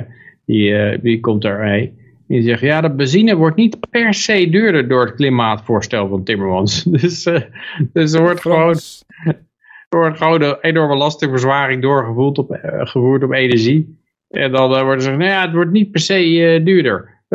Hoe denken ze, wat voor balloot, dit kun je niet eens optellen bij de Nederlandse bank. Wat is het voor, eh voor zooien? Ja. Maar het gaat dus wel allemaal duurder worden, hè? Ja, het, staat, je moet het ook zegt. goed, je moet het goed lezen ook, wat er staat. Oh ja, nou, nou ga je er net vandaan, maar er staat dus... Benzine wordt niet per, per se duurder door klimaatvoorstel van of Timmermans. Waar Dus- dan wel door? Het wordt wel duurder, maar het is niet per se aan die Timmermans liggen, maar dat het duurder wordt, ja, dat is sowieso. Want je moet maar eens kijken hoeveel dollars dat er zijn bijgedrukt sinds de corona-uitbraak. Ja. Dat is... eh, Ja, maar het hele rare is dat het, het wordt duurder door die belasting. Het, niet, alleen, niet alleen door die belasting, ook door andere belastingen zoals die eh, inflatie. Maar ja, daar staat hier ook zo'n stomme zin in. Als aanbieders van diesel en benzine aan de pomp zouden dan dus ook moeten gaan betalen voor CO2-rechten. Dus dat betekent dat, oh ja, oh, de benzinepomp gaat ervoor betalen. Nou, dan gaat de prijs gelukkig niet omhoog, want dat, eh, ja, dat betalen zij dan. eh zeggen, ja, doei. Tuurlijk komt het allemaal bij de eindprijs terecht. eh. De, de live ticker staat nu trouwens op 1,96 hier op nu.nl van de benzineprijs. Dus dit is zo'n berichtje, dat doen ze even voordat hij door de 2 euro heen stuift. Zeggen ze, plaatsen ze zoiets als dit. Ja. Maar dan hebben we nog de reacties, hè? Ik heb er hier even eentje. Zullen we de reacties nog even doen? Ja, Oh, maar, Johan, ja. Eh, het gaat wel om onze toekomst, hoor. Dus eh, hou op met dat geklaag. er is ook iemand die denkt dat hij er geen last van heeft. Hè? Wat, eh, wat zijn dat voor voetballoten? Eh, Die de denken zeker, nou, ik rijd geen auto, dus ik heb er geen last van. Nee. Niet, niet wetende dat eh, de boodschappen bij eh, zijn lokale supermarkt, die worden niet op met de fiets gebracht hoor. Nee. ik denk dat eh, zonder vrachtwagens, dat, eh, dat hij snel in de problemen zit. Ja, eh, eh. Maar eh, goed, ja, dan gaan we nog even naar, eh, naar een andere krant toe. Eh, Nou, onder de... Ik geloof wel, ik wil nog één dingetje hierover zeggen. Wat dit eventjes, kijk, het klimaat is niet hoeveel olie je opstookt. Dat vind ik niet klimaat. Dat je, dat je dus eh, oneindig veel olie blijft pompen. Eh, ik heb het idee dat er, dat er niet zoveel olie wordt bijgemaakt als dat we verbruiken. Snap je? Dus het- het- ik snap eigenlijk niet hoe het kan dat die olieprijs inderdaad maar 2 euro is eh, voor een liter benzine. Want je kent maar één keer verbranden. En die euro's die breng je met triljarden, miljoenen tegelijk over elkaar heen. Dus Ja, maar het is allemaal Ja. tijdelijk, hè? Ze gaan ze weer terugdraaien. Ja, het is nou 50 jaar, afgelopen maand hadden we 50 jaar Bretton Woods. ja, het was ook tijdelijk, hè? En dat is ook nog steeds tijdelijk. En zo kan ik nog wel mee. Ja, het opheffen van de convertibility naar goud, dat was ook eh, tijdelijk. Vandaag is het ook 1 september en is weer met drie maanden de co- corona... De eh, tijdelijke noodwet. De tijdelijke noodwet is ook weer met drie maanden verlengd. Dus allemaal tijdelijk, jongens. Maar voor zolang als het duurt, eh, Ja. vind ik het ook bijzonder eigenlijk dat het 2 euro is. Dus ik vind dat er een verschil is tussen eh, de vervuiling van de natuur en het klimaat. En, en ik reken op in een zekere manier, reken ik het- olieboren wel op een vervuiling van natuur, zeg maar. Zo zie ik dat. Maar, nou goed. Ja. Heb ik toch nog even gezegd, dan op dit nu.nl artikel triggerde mij genoeg. Ja. Ja, die olie Ja. die is er sowieso al natuurlijk. Je verplaatst het alleen van één locatie naar die andere. Nou, maar als je hem verbrand hebt, dan is die olie er niet meer. Hè? Ja, maar er En blijft nog wel houdt mooi het eh, plastic voorstel ding nu- over. Wat houdt het voorstel nu concreet in? Nee, de, de benzine wordt duurder. Dat is waar het over gaat. En dat komt doordat ze ontzettend veel euro's hebben bijgeprint. En dat iedereen, eh, ja, Ja, maar, Ja, maar- eh, CO2-rechten ook. Er worden ook CO2-rechten Oké, over. CO2-rechten. Weer Tim- weg, Tim eh, Fransje had ook iets eh doorheen gejast, hè? ja, dat, dat ging over die CO2-rechten. Ja, De Europese CO2, een uitbreiding van de Europese CO2-heffing. Maar goed, tot zover. eh, Allemaal in de krant van Fabelgesland. ehm, ja, dan gaan we even naar een andere fabeltjeskrant. eh de, ja, to Overigens, ja. eh, dat is nog wel raar wat hier nog bij staat, is dat deze figuur zegt van ja, de overheid zou ook de accijns omlaag kunnen doen, die andere accijns omlaag kunnen doen en compensatiemaatregelen treffen. Ja, dat is, dan is het helemaal een cosmetische toestand natuurlijk. Hè. Dan hebben ze het, eh, we halen het kortje van, kwartje, kortje van kok eraf, dat, dat trekken we terug en, en we verhogen met een kwartje vanwege CO2-rechten. Mhm. Nou ja, eh, Maar die dan wordt het niet duurder. CO2-rechten gaan naar Europa en het kwartje van Kok gaat naar Den Haag, toch? Ja, oh ja, dat zou, eh, ja, dat zou goed kunnen, ja. Maar dan verhoogt de EU weer de, de, de bijdrages per land. En dan zo krijgen ze dat kwartje van kok weer in hun eh Nee, in want, bezit. want het kwartje van Kok, dat ging dus eerst dat ging naar Den Haag. En met die CO2-rechten gaat het naar Europa. Dus het is een verplaatsing van de belastingstroom naar Den Haag, naar Europa. Naar Brussel toe. Dus, het, dus dat gaan ze niet terugdraaien. Dat vinden ze in Brussel allemaal prima. Het lijkt me wel mooi, het lijkt me wel mooi als die Nederlandse politici dat allemaal aan hun eh, collega's hebben moeten uitleggen in Brussel. Hoe dat ze dat dan moeten doen met die accijnsverhoging die dan naar Europa toe gaat. Van ja, dit is het model. En wie in de Netherlands, die, we call it eh, de Cox eh, kwarten. Cox Quarter.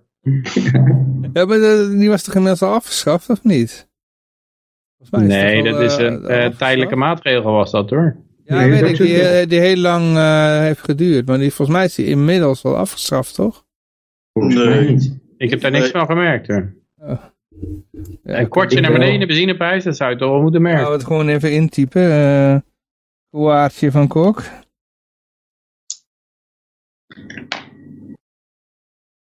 Ja. Dan typ ik in, is het kwartje van Kok nog actief? Koaartje van Kok. Wie vangt het kwartje van Kok? Met een fotootje van Kok erbij. Met, COCK, hè? Met COCK. Een kwartje van Kok. Even kijken hoor, waar dat staat. Eh, Wat was het nou ook weer? Prime Minister, Prime Minister Kok ging met KPN-directeur Dick naar Amerika toe, hè? Hier heb ik op Wikipedia, Johan, een daadwerkelijke afschaffing heeft het niet meer gehaald. In het regeerakkoord van het kabinet Balkenende 2 is afgesproken dat de opbrengst van de kwartje van Kok gebruikt wordt voor investeringen in wegen en voor onderhoud van openbaar vervoer en vaarwegen. Ja, ja, ja, ja, klopt. Eh, Dan weet ik het weer inderdaad. Ze wilden het afschaffen, ja. En, dan, ja, Maar oh, oh ja, het en dat niet is trouwens... hè? Dat trouwens, iemand die had, nou weet ik het weer, iemand die had dat nog onderzocht. Of het daadwerkelijk naar investeringen in wegen ging. En die kwam achter dat het dus niet zo was. Nee, ja. Dus er werd helemaal veel te weinig in wegen geïnvesteerd. Dus dat kwartje van Kok ging gewoon, ja weet ik veel. Het is gewoon een extra belasting. Een Hillary Clinton, de campagnefonds. Zoiets, ja. en nou, nou komt het in één keer weer naar boven, ja, ja, ja. Maar goed, eh, ja, hoe de overheid loopt te graaien. We hebben hier een berichtje uit eh, Tubantia. Ja, dat is gewoon het AD eigenlijk. Eh peperdure XL test eh, paviljoen.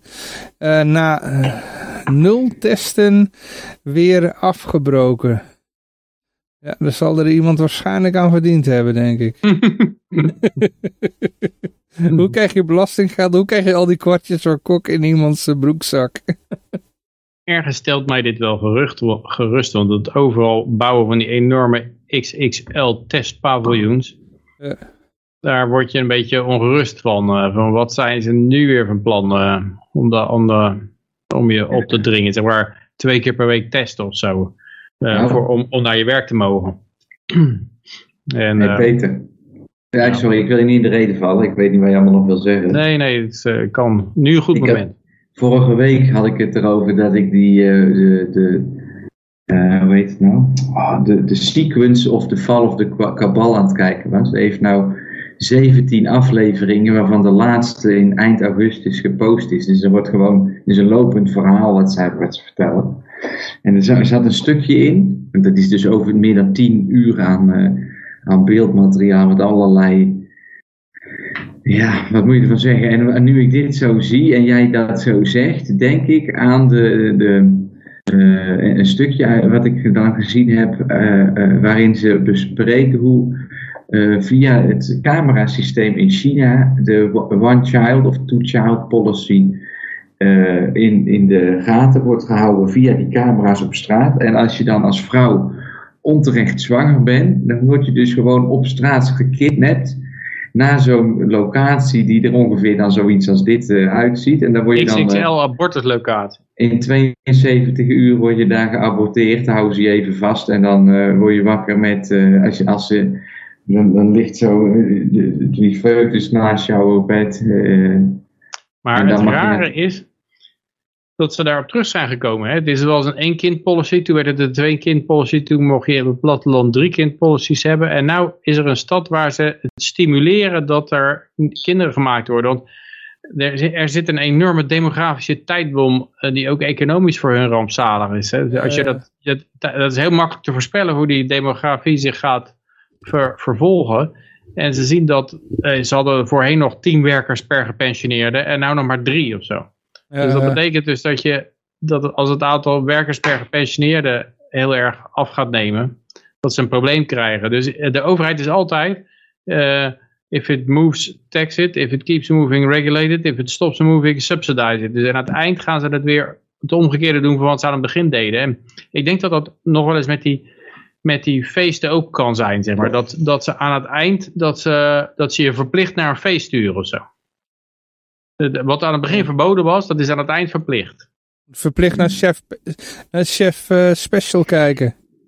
voor 100 Ja, euro. Want anders gaat hij weer over Salvador, klagen. Ze gaan het eerst, eerst wordt, is overal bitcoin verboden en dan gaan ze het verplichten. Ja, ja, ja. Dat is eh, inderdaad wel eh, de logische gang van zaken, ja.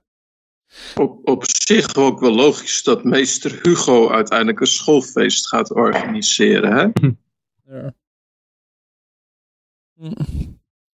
Ja, ik wilde nog wat zeggen, maar ik ben nou even kwijt. Maar in ieder geval dat... eh, Oh ja, dus op dit moment zijn de cijfers in China zo dat eh, er volgens mij op de 100 kinderen zijn er vij- 58 jongens tegenover dus 52 meisjes. En China, doordat ze dus die verplichte eh, abortussen zo doen... eh, China is, een, is het enige land ter wereld waar er meer vrouwen zelfmoord plegen dan mannen zijn, zijn een aantal eh, va- van die dingen die dan genoemd worden in die sequence of the fall of the Kabbals. Daar heb ik, dat is mijn bron die ik nu quote. Maar in ieder geval, ehm, ja, dat wordt dan zo eh, aangetoond dat dat in principe een onderdeel is van een veilige familie. eh, SDG-doelnummer zoveel, weet je wel. Dus Ja, dat, dat, dat is wel wat. eh, En, en ze hebben al minder vrouwen dan mannen. En dan plegen ook nog meer vrouwen zelfmoord. Die krijgen Ja, omdat- heel veel mannen achter Ja. zich aan. Ja, en omdat ze dus, eh, nou ja, moeilijker eh, behandeld worden daar, laat ik het maar zo zeggen. Als jij, als jij zo'n verplichte abortus ineens op je dak krijgt, nou dan zul je lekker wakker worden de volgende dag. Weet je, wel, dat zijn traumatische ervaringen. Als je daar niet goed- in bijgestaan wordt, dan eh, ja, En dat wordt je niet. als je, als je dus niet mag voortplanten, wat is dan het nut van je leven? Dan voel ik, dat is, ja, nou ja, goed. ik Drugs het gebruiken? Het is eh, het is een beetje als, eh, zoals in Brave New World, hè? De party, dan- orgy, dan- drugs. eh. Dat, mag niet, toch? Ja, dat, dat, maar ik denk dat alle overheden dat op de duur gaan toestaan. Gewoon, ik, heb, ik ga er nog niks over zeggen. Het mag niet, dus ja. Ja, het is wel logisch door de geschiedenis heen. Zeg. Je ziet altijd wel zo'n golf van, eh, van drugs verboden, drugs toegestaan, drugs verboden, drugs toegestaan. Zo is het Ik heb- eigenlijk eh, altijd al gegaan. Ik heb ooit een Iedereen filmpje... moet zich toch laten injecteren nu? ja, drugs zijn verplicht, ja. Ja, Maar ik bedoel over hallucinerende drugs. eh. Ik heb wel eens op YouTube een eh, filmpje eh, verbannen gehad. En dan zeiden ze, ja, je bent hier drugs aan het gebruiken. En toen zei ik, nou, wordt hier helemaal geen drugs gebruikt. Stuurde ik zo een berichtje terug. Geen drugs gebruikt bij dit filmpje. Ja, het filmpje is gewoon weer teruggeplaatst daarna. Dus ja, toon mij maar aan dat ik drugs gebruik. Eh, Overigens was er bij deze XL testpaviljoen dat was bedoeld voor festivals en evenementen. Maar die mogen amper doorgaan. mm. Eh, maar is er nog eh, duidelijk eh, in wiens zakken al het geld verdwenen is? Nou ja, als dat een privé-initiatief is, dan zijn mensen gewoon kwijtgeraakt natuurlijk. Dat, als ze Ja, dachten van, ah, er komen festivals geld. aan, daar kunnen wij aan verdienen. En dan, boom. Krijgen toch ook wel wat subsidie en zo? Even kijken. Maar zover komt het dus nooit. Volgens het ministerie van VWS dat de opdracht voor de bouw gaf, kostte de XL-locaties de overheid tussen de 300 en 350.000 euro per maand. Zo, zo 300.000 per maand. Ja, dat zou betekenen dat de Zwolle de overheid zeker rond een miljoen gekost heeft. eh. al wil de woordvoerder dat niet bevestigen. Ik denk dat Siebert, ik denk dat Siebert hier aan het hoofd staat van dit, eh, Ja. dit project. Het uit, eh, kunnen we het uitzoeken? Nee. Jij bent er heel goed in, hè? Nou heb ik wel eh, nou, heb Ja. een premium artikel gelezen, zeg. Zonde. Wow. Die hoeven. Ja, we horen het zo wel dan. Ehm, ja, dan gaan we even naar het volgende toe. Oh ja, de, de, de holiday scare, hè? ja, drama in Hotel in Mallorca. We moeten allemaal bang zijn voor eh, vakanties. Ja, dat was ook even voor de, voor de rubriek. Oh, oh, ga niet op vakantie. Ja. Het is, eh, er zijn altijd weer mensen die in een stukje vlees geslikt zijn. Of eh, in dit geval eh, Nederlander 20 levensgevaarlijk gewond na val van balkon. In een hotel in Mallorca. Dus, dus duidelijk. Ja. Ah, Daar moet je niet wezen. Acht Je moet meter naar gewoon, beneden. gewoon thuis blijven. Gewoon. Een beetje CO2-quotum. Ik denk trouwens ook, hoor je steeds meer dat, dat er proefballonnetjes worden opgelaten hè, voor het CO2-quotum per persoon. Want eh, daar was eigenlijk nooit eh, draagvlak voor te vinden. Maar nou met die corona die lockdowns hebben weten te krijgen, hebben die, is het weer nieuw leven ingeblazen. Je ziet allerlei van die universitaire academische denktanks die komen met, met het idee van, eh, ja, als jij vlees eet, dan mag je dus niet op vakantie. Want bij elkaar is dat gewoon te veel aan, aan CO2-credit. en eh, als jij ja, je temperatuur in je huis te hoog hebt, dan, eh, dan valt je vlees weer af of zo. Of dan, eh, dus je kunt je in een lockdown zetten, omdat je aan je quotum, je quotum bereikt hebt of overschreden. Oké, maar dan moet iedereen wel een app installeren. Dat kan niet anders, want anders kun je dat Ja, niet dat, bijhouden, toch? Ja, dan moet je inderdaad naar zo'n digital currency, central bank digital currency toe.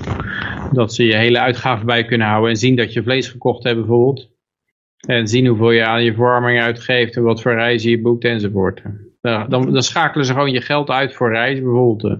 Kunnen ze doen. Mhm. Dus dan ga ik voortaan mijn vlees kopen bij de groenteboer. Dat zou een oplossing kunnen zijn, toch? Ja, het staat wel het bonnetje. Ik weet niet in hoever, eh, hoeveel detail dit doorgegeven wordt. Ik denk dat je het direct bij de boer moet kopen. Maar je kan ook weer niet contant afrekenen. Dan moet je met ruilhandel doen of zo. zeg je tegen de boer van, hé, hey, wat wilde jij toch wel kopen? En dan zegt hij, eh, nieuwe stofzuiger. Dan zeg je, oké, dan krijg je van mij cadeau. Koop ik een nieuwe stofzuiger. Dan geef jij mij een stuk vlees. Ja. Maar ja, die boeren, al die koeien is ook wel geregistreerd. Dus dat is ook allemaal eh een begin aan, denk ik. Mhm. Maar ja, dit zijn allemaal nog luchtballonnetjes. Maar meestal is het wel een slecht teken aan de wand als dit soort luchtballonnetjes komen. Want eh, ja, ze zien nou met die lockdown. Oké, als die lockdown werkt voor COVID, dan werkt die ook voor het klimaat. En ik denk dat, eh, ja, dat is natuurlijk ook allemaal weer een wassen neus. Ik denk dat dat uiteindelijk ertoe gaat leiden dat we allemaal Unilever producten moeten kopen. En niet ge- echt gezond of eh, milieuvriendelijk of doelbewust. Dan zullen ze zeggen dat een, een, een, ehm, een vegaburger van Unilever, eh, dat je, daar, daar scoor je meer sociale creditscores op als je die opeet, dan wanneer je gewoon eentje van een, eh, ja, iemand Ja. koopt die niet op het netwerk is aangesloten. Ja, dat zou inderdaad eh, goed kunnen. Het is nu natuurlijk al zo dat als jij de grens over wil naar Nieuw-Zeeland of zo, dat als jij een Twix of een, of een Raider bij je hebt, dat is geen probleem. Maar als jij een Persik bij je hebt, dan eh, word, word je bijna neergeschoten, omdat eh, ja, dat, dat is heel link. Maar al dat kunstmatige spul, dat is allemaal prima. En ja, insecten, zooi valt er ook al. En ze zijn natuurlijk dat enorme, dat, dat kunstmatige vlees heel erg aan het pushen. Mm. Eh, dus ja, dat zal wel een hoge vlucht gaan nemen. En ik denk dat mensen het ook gaan doen. Het, voor een gedeelte zal het financieel zijn, maar voor een gedeelte zal het ook door shaming zijn. Hè? Dus dat het op een gegeven moment sociaal onverteerbaar is dat jij gewoon vlees eet. Dat Dan word je gewoon nagewezen. En, Ja, ja. Eh, want mensen, echte deugdmensen, die eten vegaburgers. Eh, Je leest het nu al in het nieuws. Hè? Dat, eh, Ja. ik zie het nu al vaak voorbij komen als ik een beetje door het nieuws scroll. Eh, van, van die berichten van... ehm er is een vega-restaurant eh, geopend. En, eh, is ja, het nieuwe normaal? Ja, het nieuwe normaal. Het kan toch niet zo zijn dat je nog 200 gram vlees op je brood doet. Weet je wel? Dan zei ik, nee, dat is niet normaal. Ik wil altijd 500 gram, weet je wel. Maar dat is dan niet de bedoeling dat je dat zegt. Nee, ik denk, maar ik denk dat dat op zich is het best wel krachtig. Ik denk dat ze in Amerika ook zo met wapens te, te, te werk gaan. Gewoon een hele hoop school shootings achter elkaar. En dan op een gegeven moment, als jij nog durft een wapen te hebben, dan, dan, dan word je gewoon met de nek aangekeken door iedereen. En, en ja, dan, dan voel je gewoon aan van het moment is daar gekomen dat ik, eh, moet, eh, dat ik het ook moet opgeven. Ja. En dat is, dat is denk ik met dat, ja, je kan het langer volhouden, minder lang volhouden. Je kan snel capituleren of laat, maar het, het wordt denk ik nog heel moeilijk, ja. Over wapens gesproken. Eh, de, de Britse politie heeft een nieuw wapen in de strijd tegen crimina- criminaliteit. Maar Jorka ziet er wel leuk uit om eens een keer op rond te lopen met een leuke, leuke meid in de zomer. Ja, zeker. Maar eh, zijn jullie benieuwd van het nieuwe wapen van de Britse politie? Ja, ik eh, ik kan hem weer niet lezen, dus even achter een paywall. Ik zal het je even laten zien. Er zit een heel klein Oh, kruisje ja. in, de, in de bovenhoek van die eh, bericht. En dan kun je het wegklikken. Maar eh, de, de kijkers die zien hem al. Hiermee zullen de, de boeven gillend eh, wegvluchten als ze dan eh, politie aan zien komen. Het lijkt een beetje op jouw pruik, eh, Yoshi. Ja. Dat zou zomaar een honkler hangoutwagen kunnen zijn. ja. Inderdaad, we hebben, eh, een- ja, dit is gewoon een leuke carnavalswagen eigenlijk, dit. Ik zag laatst een eh, heel koortje.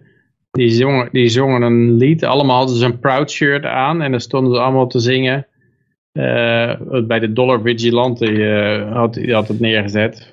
En het was allemaal take the jab, make an appointment. En dat was een beetje we save the world, we save the children, let's make the love. En, en, en dan allemaal in, stonden ze even social distance in de grote matrix bij elkaar. En er stond een dirigent ervoor, die stond echt zo gepassioneerd. Let's make an appointment. Let's get the injection or get the jab or wat ik wat wat wat Een mondkapje op? Nee, dat alweer niet. Want we Oké. moesten zingen, maar het was wel en en er waren ook een paar van die mensen die deden dan als er dan gezongen werd, let's take the jab, dan deden ze zo deden ze zo hun vuist in een in een de arm erbij als eh, gebaar. Ja, het kwam echt heel erg cringe over dit. eh, waar de, ja, de politie eh, die, eh, is er dus ook mee bezig. Ik, ik verwacht nog steeds dat de Taliban regenboogvlag gaat rondlopen. dat We dat gaan, we in de, daar naartoe werken. zit in de pijplijn. Iets soortgelijks komt eraan. Hm. Ja. Maar dit moet het gaan doen, jongens. Ben je net bezig met, met je inbraak en dan komt deze auto voorbij. Dat zijn we heel wagenpark, eh, zo te zien. Wie is de Ja. producent van die, eh, van, van die eh, clownmobiel? Ja, ik kijk hoor. Het Austin of zo? Of... Kijk hoor, een beetje inzoomen. Die auto. Maar degene die dat opgespoten heeft, is niet noodzakelijk degene die de auto Oh, geproduceerd heeft. Martin. Lijkt dat wel. Is dit het is een Honda- is het, toch? Toch een. Oh, oké. Of wie Hyundai, ik ken ook nog, weet ik het. Ik weet het niet. Misschien is het dat wel. Het lijkt op een H in ieder geval. Eh, Maar is het de Hon- Hyundai, ja. Misschien staat... Maar die andere, er zaten, er staan, ik zag ook nog andere logootjes hoor. eh, Het was niet alleen dat logootje. Maar het is, het is wel een paar jaar geleden dat je het als ondenk, onvoorstelbaar geacht dat de hele leger en politie allemaal eh, doordrongen zou worden van die woke eh, toestanden. Ja, ik sprak toevallig vandaag, want ik, ik ken zo eens iemand. Ik moet heel even, ben ik nou aan het klikken. eh, Voor de exacte eh, goede quote ook. mhm. Want eh, wat doet zij nou ook alweer precies? Even kijken. Volgens mij werkt ze bij één vandaag. Eén vandaag, ja, redacteur bij één vandaag. En die, die, die plaatste van de week een of ander pla- iets dat er een, een of andere militair was omgekomen in Afghanistan. En toen zei ik erover, eh, had ik geschreven van eh, ja, dat ze maar een beroep moeten kiezen. En toen deze keer schreef ze weer wat anders. En reageerde ik er weer op. En toen, ik was mezelf een beetje aan het verdedigen op wat ik zei. Ik zeg, ja nou, eh, je werkt bij een vandaag, moet je nou kijken wat er allemaal gebeurt. En nou was ze bezig met een item over transgenders, zei ze. Ik zeg, nou, al die transgenders, die, zijn, die hebben allemaal een, eh, een geestelijke stoornis. En dat is wat er aan de hand is met die mensen. En dat hoeven we echt niet te doen, alsof dat ze in het verkeerde lichaam zijn geboren. En toen... eh, Zelf ja. geblokkeerd. Nee, nee, nee, nee. Ze heeft je gerapporteerd als een hate. Nou, ik zal het wel eventjes. eh, ik zeg, kijk, als je nou de hele. eh, als je nou die kinderen op de basisschool.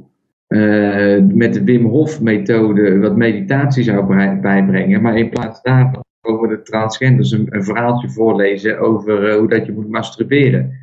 Ik zeg, dus ja, dat vind je natuurlijk ook niet gek te vinden dat op een gegeven moment iedereen denkt dat hij een eenhoorn in zijn nachtkastje heeft staan. Of zoiets. Dus, nou ja. Ik, ik, ik, dat heb ik niet tegen gezegd, maar een voorbeeld wat ik ook wel eens gebruik, wat ik uit mijn eigen leven zo eens heb opgepikt, is dat ik bij een, eh, café werkte en daar werden heel veel trouwerijen georganiseerd en daar had je twee opties. Of de gasten die betaalden één bedrag vooraf en iedereen die kon drinken wat ze wilden, of elk drankje moest je op een lijstje turven en dan werd er achteraf afgerekend. En afhankelijk van wat ze kozen, wil je veel of weinig verkopen. En als je veel wil verkopen, dan zet je vanaf het begin dat de mensen binnenkomen met tien bladen vol bier, zeg je hallo en begin je iedereen drankjes uit te geven. En met die andere hou je heel erg, sta je in een hoekje en dan, dan heb je daar gewoon een paar glazen water op staan. En als die mensen jou dan een biertje bestellen, dan ga je dat halen voor ze, want daar hebben ze allemaal voor betaald. Maar dat scheelt je ontzettend veel geld op één avond. Ja, ja. Ja, Hier waarop je- snap hem. aan. Dus dat, dat haal ik dan altijd maar aan in ook dit hele transgender verhaal. En het is allemaal hartstikke leuk om af en toe met een jurk aan eh, je helemaal wappie te voelen. Dat is hartstikke geinig. hey, dat doen we allemaal wel eens. Ja, dus dat maakt ook helemaal niet uit. Alleen je moet niet gaan afdwingen dat je dan eh, een boete op kan leggen aan iemand die zegt van ja, maar als jij zoveel chromosomen hebt, dan noem ik jou gewoon een man. Weet je wel, je moet wel ergens moet een grens zijn aan die, aan die persoonlijke levenssfeer die je voor jezelf creëert. Weet je wel, waar houdt, waar, tot op welk moment moet de maatschappij eh, zich aan jou gaan conformeren? Ik bedoel, eh, Maar ik vind het gewoon heel apart dat dit bijna universeel bij het einde van die empires een, een teken is dat, er dat eh, dit soort dingen gebeuren. Dat eh, eh, het helemaal gerund wordt door eh, ja, mensen die nogal confused zijn over hun, hun gender. Die, die, die weten vaak enorm veel macht te vergaren. En, en niet alleen op deze manier, maar bijvoorbeeld in China hadden ze op een gegeven moment allemaal van die euneugen. Die, die waren gewoon, dat waren mannen waarvan de, de eraf gehaald was. En, eh, want, want die mochten dan niet bij de, bij de, aan de vrouwen zitten van de harem. Die moesten harem maken. Maar die wisten vaak enorm veel politieke macht te bereiken. Eh, als ze het overleefden dan, een, eh, het verlies van een Ja, ja. En eh, en, ja, het is, bij het Romeinse Rijk was natuurlijk ook bekend dat het aan het eind één grote orgiebende was. Eh, het, is, eh, het is wel een, een apart verhaal. Mensen voelen het einde aankomen en dan gaan alle remmen los of zo. Of ik weet niet precies waarom het nou gecorreleerd is. Of, of is het, ge, dit, dit systeem is, dit systeem is opgericht zodat als je oud bent en veel tijd hebt kunnen eh, eh, laten passeren om, wel, om welvaart te vergaren, dan heb je op een gegeven moment meer dan een jong iemand die daar net op begint. En daar heb je dus een machtsverhouding daartussen die. eh, Ja, maar het vreemde blijft nog steeds van eh, waarom ga je dan aan kleine jongetjes zitten bijvoorbeeld of eh, dat soort dingen. Dat, dat, nou, dat- omdat dat je wordt aangeboden. En dan wordt er net een foto gemaakt. En jij zit op die positie die. eh, die Ja, maar als dat eh, mij wordt aangeboden, dan word ik daar niet echt door gecharmeerd. Ik zou niet zeggen, nou, dat ja, normaal zou ik in- niet gedaan hebben, maar het is dat me er wordt aangeboden. in welke zin, hoeveel drugs je op hebt. Hè? Dat, eh, op een gegeven moment dan weet je het niet eens Het heeft meer. meer iets met de macht te maken. hè. Dus eh mensen die heel, heel erg uit zijn op macht, die, eh, die kicken op een of andere manier eh, daarop. Dus eh, Ja, maar ik denk dat, ja, ik denk dat, dat het zo is dat macht trekt dat soort figuren aan, zeg maar. eh, Dus- en als je dus een, een steeds, en die maken de staat ook steeds machtiger. Dat weten ze goed te manipuleren, iedereen. En dan, dan schieten ze nog steeds nog verder door in die richting. Dus het escaleert altijd die kant op. En dat, en dat gebeurt kennelijk bij al die keizerrijken. Al die grote rijken, dat dat eh, zo uit de hand loopt aan het eind. Dat er de meest perverse figuren zitten aan de top. En die willen dat ook door de hele samenleving propageren. En ehm, ja, dat Ja. is, ehm, ja, zo gaat dat kennelijk. Mensen zijn mensen kennelijk. Nou, maar ik denk dat, dat, de, dat de aard van de mensen niet verandert of zo, maar dat de soort mensen die, geselect, die gefilterd wordt door zo'n overheid, zo'n machtspositie, dat dat een heel fout type is. Ja, precies. Ik wil altijd de- de opmerking maken dat het gaat er dan niet om of het kinderen of vrouwen of dieren of mannen zijn die er misbruikt worden. Maar het misbruik is uiteindelijk eh, eh, als iemand met zijn volle verstand. Ze hebben nu bijvoorbeeld over die prikbussen, dat je vanaf 12 jaar mag beslissen om een- zo'n prik te laten zetten. En op zich vind ik zo'n leeftijd van 12 helemaal geen probleem. Ik zou het ook nog even rust op 8 kunnen zetten. Maar als iemand maar gewoon goed de, de, eh, keuze heeft en, en alle informatie om een, om een overwogen keuze te maken, dan eh, ja. Ik vind het dus bijvoorbeeld heel raar dat kinderen eh, hormoonblokkers mogen eten, maar Ja. niet mogen roken of ja, wat dan ook. Weet je wel, ik vind die, specifiek die hormoonpillen en zo, ik vind dat heel vreemd als ik zie bijvoorbeeld dat er allerlei ouders ook zijn die dat dus echt pushen op hun kind. Die zoiets hebben van, nou ik heb iets gemist in mijn leven of wat dan ook. En eh, mijn, mijn jongen moet een roze jurk dragen of zo. Dan denk ik, ja, nou ja goed, je zal maar met zulke ouders geboren worden. hè. Ja. Ja. eh, Maar is het niet een enorm, enorme hype? Want hoeveel, hoeveel transgenders zijn er nu eigenlijk? Nou, ik denk dat dus ieder, al- die zijn allemaal gewoon aan porno verslaafd. Dat zeg ik altijd gewoon. Die hebben een geestelijke stoornis, die hebben te veel porno gekeken. En daardoor, eh, en daardoor zijn ze hun fantasie op die manier gaan uiten. En, en ja, dat geeft niks. Dat is allemaal hartstikke leuk. Alleen je moet, om daar nou van te zeggen van nou, het moet de standaard worden waarmee iedereen opgroeit. Ja, ik weet niet. ja, ik heb wel gehoord dat het een, eh, dat het een epidemie is. Dat was bij eh, iemand die had daar een boek over geschreven en die werd geïnterviewd door Joe Rogan. En het werkt kennelijk aanstekelijk, dat hele ombouwverhaal. En eh, ja, het is natuurlijk bekend dat bij scholieren dat ze heel erg ontvankelijk zijn en, en conformistisch en meelopen met de rest. En bij volwassenen is het al zo. Centrale bankiers is het al zo. En eh, dus ja, bij middelbare scholieren is het helemaal erg. Dus ik kan me voorstellen als dat op de juiste manier gepromoot wordt, dat het dan inderdaad een soort hype wordt. Denk je dat? Nou ja, dat was in ieder geval wat er uit de cijfers bleek, is dat het enorm was toegenomen.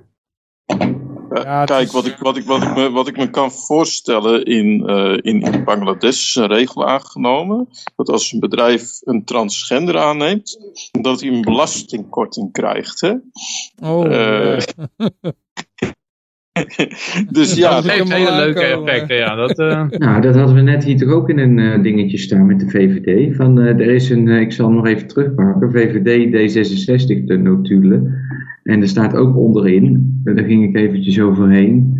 Er staat er nou eh, dat er een, iets, het regenboogakkoord, eh bla bla bla. En, en dat er dus allerlei, wacht, er stond LHBGTI+, weet ik het, wat ze daar allemaal van maken hele alfabet. regenboogakkoord om de emancipatie van LHBTI'ers te bevorderen, een initiatief van belangenorganisatie COC. Dat wordt overgenomen en eh, in de, ja, het basisdocument verwerkt.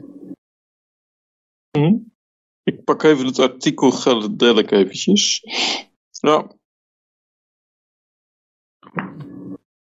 En Ja. Bangladesh is tien keer zo groot als Nederland. Hè? Dus als dat ongeveer hetzelfde is, dan zou je hier in Nederland 20.000 ta- transgenders hebben. Klopt dat? Maar niet eh, alle mij- bedrijven in Bangladesh die betalen belasting, toch? Het zijn alleen maar grote bedrijven, toch? Eh, ja, heel veel kleine die eh, betalen inderdaad geen belasting. Of Ja, alleen dus die- BTW. Die, die, die zullen geen LGBTG plus eh Mhm. aannemen. Ja, ja. Nou, ik, ik, ik, heb eens, eh, ik heb eens een vraag gesteld aan iemand. die textielfabriek die speelt, want die, die, eh, die wil graag verkopen aan Europa en Amerika. Dus die, eh, die, eh, die zegt, nou, wij hebben transgenders aangenomen. Nou, toen heb ik gevraagd aan iemand die bij die fabriek werkte: van hoeveel, hoeveel transgenders werken er nou eigenlijk bij jullie? Nou, hij zei één, dat is een eh, artieste, die, een model, dus die, en, en, en er is inderdaad één in die hele fabriek. Er werkten, nou, werkten duizenden mensen. Eén iemand die daadwerkelijk, eh, nou ja, eh, kle- kleding maakte, laat ik het zo zeggen. En die zit daar Ja. alleen maar vanwege de belastingkorting. niet omdat ze goed kleding kan maken. nou ja, dat, dat, dat, dat krijg je natuurlijk wel. Hè. Ja, met, met die identiteitspolitiek eh, krijg je natuurlijk wel heel erg dat mensen vanwege een bepaalde identiteit een, een, een rol krijgen. Hè, dus ja, kijk, wat mij betreft mogen mensen zelf weten wat ze doen, hoe ze leven, wie ze zijn. Maar eh, hè, dat is natuurlijk ook eh, ja, het meest libertarische wat je kunt voorstellen. Gewoon Eh, persoonlijke vrijheid. Maar ja, waar, waar de overheid heel erg naartoe wil, dat is dat ze je in een hokje plaatsen. Hè? Dus dat ze denken van nou, ja, dit, dit zijn dikke mensen, dit zijn... dat iedereen een, een, een, een, een, een, een rol moet hebben op basis van identiteit. En dat er vooral conflicten moeten komen en dat er gedoe moet komen. En, dat er, eh, ja. en daardoor wordt de wereld natuurlijk een slechtere plaats. Hè? Als iedereen bezig is continu met wie ben ik, wat, eh, wat ben ik, waar hoor ik bij. Niet goed. Ja. Ja, ik ga hele rare situaties kijken. Ik moet dan weer zo denken aan dat eh, verhaal van dat jongetje dat een nieuwe gein geboren is. Een paar jaar geleden alleen maar omdat de moeder dan voorrang kreeg op een eh, woning. Weet je wel, ze hadden dan Hm. een, een wet eh, daarvan dat als je, dat tienermoeders moesten voorrang krijgen op de, op een sociale huurwoning. Waardoor je dus in één keer een, eh, een babyboom daar kreeg. Onder de tieners. Allemaal tieners die zwanger werden. En dan moet je dat kind dan uitleggen van eh, waarom ben waartoe ben ik hier op aarde? Ja, dan kon je moeder eh, een sociale huurwoning krijgen. dus dan eh, dus krijg je in Bangladesh straks allemaal jongens die eh, dan vrouw zijn ge- geworden. Ja, waarom, waarom ben ik nou vrouw geworden? Ja, omdat dan dat bedrijf waar ik werkte belastingkorting kon krijgen. Van, die bureautjes, van die bureautjes voor wachttijdverkorting oprichten voor je dingen. En dan,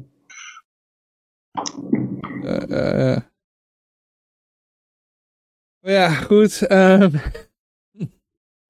we moeten even kijken van hoeveel grote bedrijven zijn er dan in Bangladesh. Weet je wel, dan weet je ook van hoeveel eh, Transgender, misschien kan je wat Nederlandse transgenders daar naartoe exporteren of zo. We gaan nu in de transgender export business. Oh, uit Thailand, gewoon van die ladyboys. Die kunnen dan in, eh, in Bangladesh aan de slag voor eh, belastingkorting eh, bij bedrijven regelen. Maar het is Ik wel dat bijzonder, dat want eigenlijk... Ja, er komt mijn clownsneus weer even opzetten. Maar als je dus transgender geregistreerd bent, dan moet je dus die pillen afnemen van die, van die eh, farmaceutische bedrijven. Om te kunnen aantonen Ja, dat, dat is je een transgender bent. model. Die zullen we voor gelobbyd hebben. Ja, ja, ja, ja, ja. Dat is natuurlijk een big Hormonen, toch? Ja, of wat dan ook. Ja, ja. Dit is hoe Pfizer eh, hun eh, miljoenen, miljarden winst krijgt, hè? Ja. Maar dan gaan we even naar eh, generaal Flynn toe. Wie kent hem nog? Nog, nog? Die eh, zat in het kabinet van Trump. En eh, ja, hij heeft er toch een beetje moe- moeilijk mee. In ieder geval, eh, hij zit bij dezelfde bank waar ook eh, ooit eh, Jeffrey Epstein bankierde en Ghislaine Maxwell. Dat is namelijk Morgan Chase. Ik geloof hij zit, Flynn zit bij Chase, daar zat Epstein. Maxine die zat bij Morgan. Dus Mhm. ja, het is een soort JP Morgan en, en Chase Manhattan zijn ooit 20 jaar geleden samengegaan. Maar ze hebben nog steeds de, de oude namen die eh functional, fun- die, je hebt nog steeds filialen met die oude namen, dus Chase Bank. En dat zijn eh, brand, brand eh, merknamen onder de paraplu van eh, JP Morgan Chase. Ja. In ieder geval, Flynn die had een creditcard bij, bij Chase en die is dan ingetrokken. En dat is vanwege re- reputational risk. Eh kennelijk was Jeffrey Epstein dat niet en Ghislaine Maxwell, maar Nou, toen ze nog leefde, kende niemand natuurlijk. hè. eh, nou nee, ja, Jeffrey Epstein was wel bekend. Die zaak liep nog, maar hij heeft zijn bankrekening gewoon mogen houden. Dus eh, volgens mij is hier nog Je had meer geld ook misschien, hè? Ja, ik, ik, Ja, ik, ik weerleg gewoon, ik weerleg gewoon dat hij, dat hij al bekend was voordat hij dood was. Hij was niet zo bekend voordat hij dood was, die Epstein. Nou ja, hij haalde het nieuws. Ja, Nog nou, behoorlijk lang het nieuws gehaald. Toch, toch Ja, zeker tien misschien- jaar. Ja, toen hij gearresteerd was misschien, maar, Ja, maar zo daarvoor heel veel... met die sweetheart deal, toen is hij ook in het nieuws gekomen. Ja, toen was hij in Nederland in ieder geval niet echt eh, heel erg Eh, we bekend. hebben het over Amerika, dus dit gaat over eh, eh, Chase Manhattan, eh Ja, oké, nou oké, het was, ja, ja, ja. Amerikaanse bank. Eh, Maar het, het aparte is natuurlijk dat, dat die Flynn, dat is ook een beetje iemand die, die volgens de QAnon-types ehm, alle, alle lijken in de kast weten. Dus, eh, maar, en het is natuurlijk iemand die enorm is opgelicht tijdens de, de hele eh, eh, Trump-gate verhaal van de, de Russia- Russia-gate hoax. Want ze hadden tegen Flynn gezegd, Flynn die had Obama, of Trump had hem aangenomen.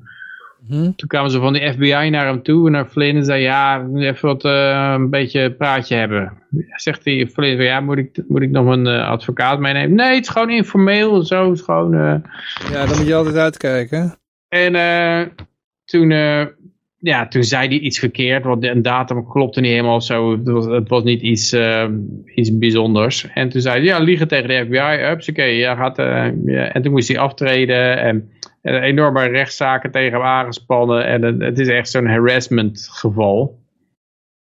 En, Zonde eh, dat het zo moet gaan, eigenlijk. Ja. Maar ja. ja, en, eh, Nooit praten met de politie. Zelfs als ze zeggen, ah, het is informeel. Ja, maar ja, het hele raar is inderdaad, dus, dus die banken, die, die, die zitten ook gewoon in bed met dat soort eh, eh, instanties zoals DOJ en FBI. En die, eh, ja, die, moet hij eruit? Oké, hij is eruit. Eh.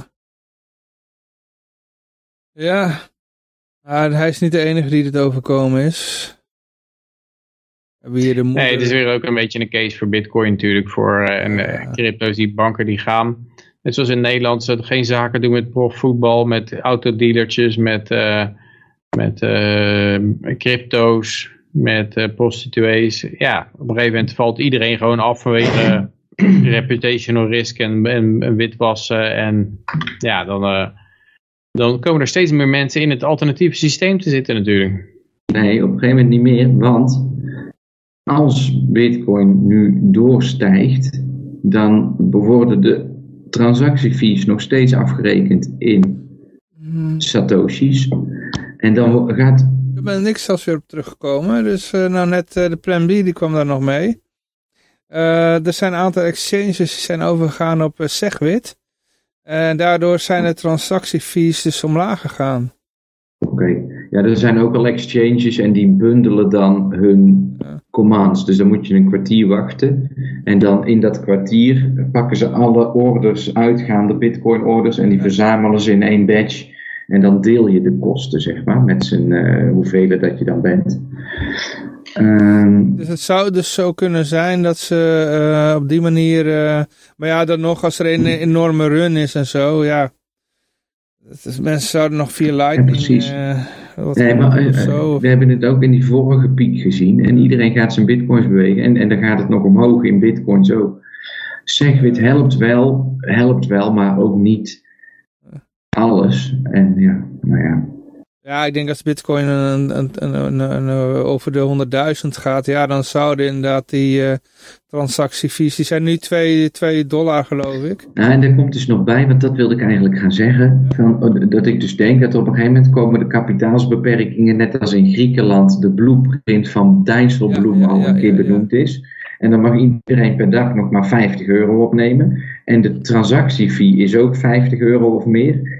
Nou, en dan ben je er dus uit, want dan kun je geen bitcoins meer kopen op dat moment. Als je alleen maar bij eh, Ik denk dat, dat, dat als dat nieuws eraan zit te komen, dan ga je een enorme run op eh, crypto zien, denk ik hoor. Ja, ik roep het al jaren. Dus Ja, dat is mijn, mijn nieuws. Als het eenmaal nieuws is, dan is het voor mij geen nieuwtje. Maar eh, Ja, maar tegen die tijd is het, is het volgens mij Solana al of zoiets wat, wat eh, wel goed schaalt. En niet op zijn eh, lightning manier. Ja, maar dat moet je dan alsnog vaak via. Hoe koop jij Solana dan?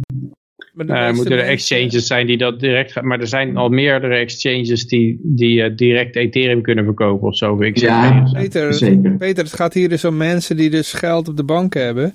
Die denken van shit, eh, die blueprint wordt uitgerold, snel crypto kopen. Ja, de eerste, het zijn vaak boomers of zo, dus het eerste waar ze aan denken is bitcoin. Want Meer, meer dan dat kennen ze niet. Ja, maar als je transactiekosten zo hoog zijn dat je, er, dat je Dat gelijk al klem zit. Niet, dat weten die mensen niet. Ja, die hebben denk- misschien een ton dat ze willen verschuiven. Ja, dan willen ze 50 euro voor transactiefees wel betalen, denk ik. Ja, nou ja, ik denk dat als je het er dan niet meer af kan halen, omdat het per keer maar maximaal 50 is en, en, je, en de transactiekosten hoger zijn, ik denk dat ze dat toch wel snel doorhebben. Ja, ze willen, die run komt dus voor dat dat, eh, als dat eraan zit te komen. Snap je? Dan gaan een aantal mensen doorkrijgen, oh shit, dit komt eraan. Ja, nee, dat, dat, dat geloof ik wel. Maar ik denk dan toch dat, eh, dat het, het gerucht zich heel snel verspreidt dat, je, dat als je er ook weer makkelijk uit wil, in kleine bedragen, dat je dan toch bij iets anders moet zijn. en dat, dat, eh, ik, net zoals nou wat eh Yoshi zei met die enorme, enorme Ethereum boost die hij voorspelt. Mhm. Ik denk dat dan, gaat, dan gaan natuurlijk ook de transactiekosten daar enorm van omhoog. En dan ga je vanzelf krijgen dat dat Solana meetrekt en eh, Polkadot en alle Ja. smart contract lui, die worden gewoon allemaal, dan kan je op je klompen aanvoelen dat die allemaal meegezogen worden.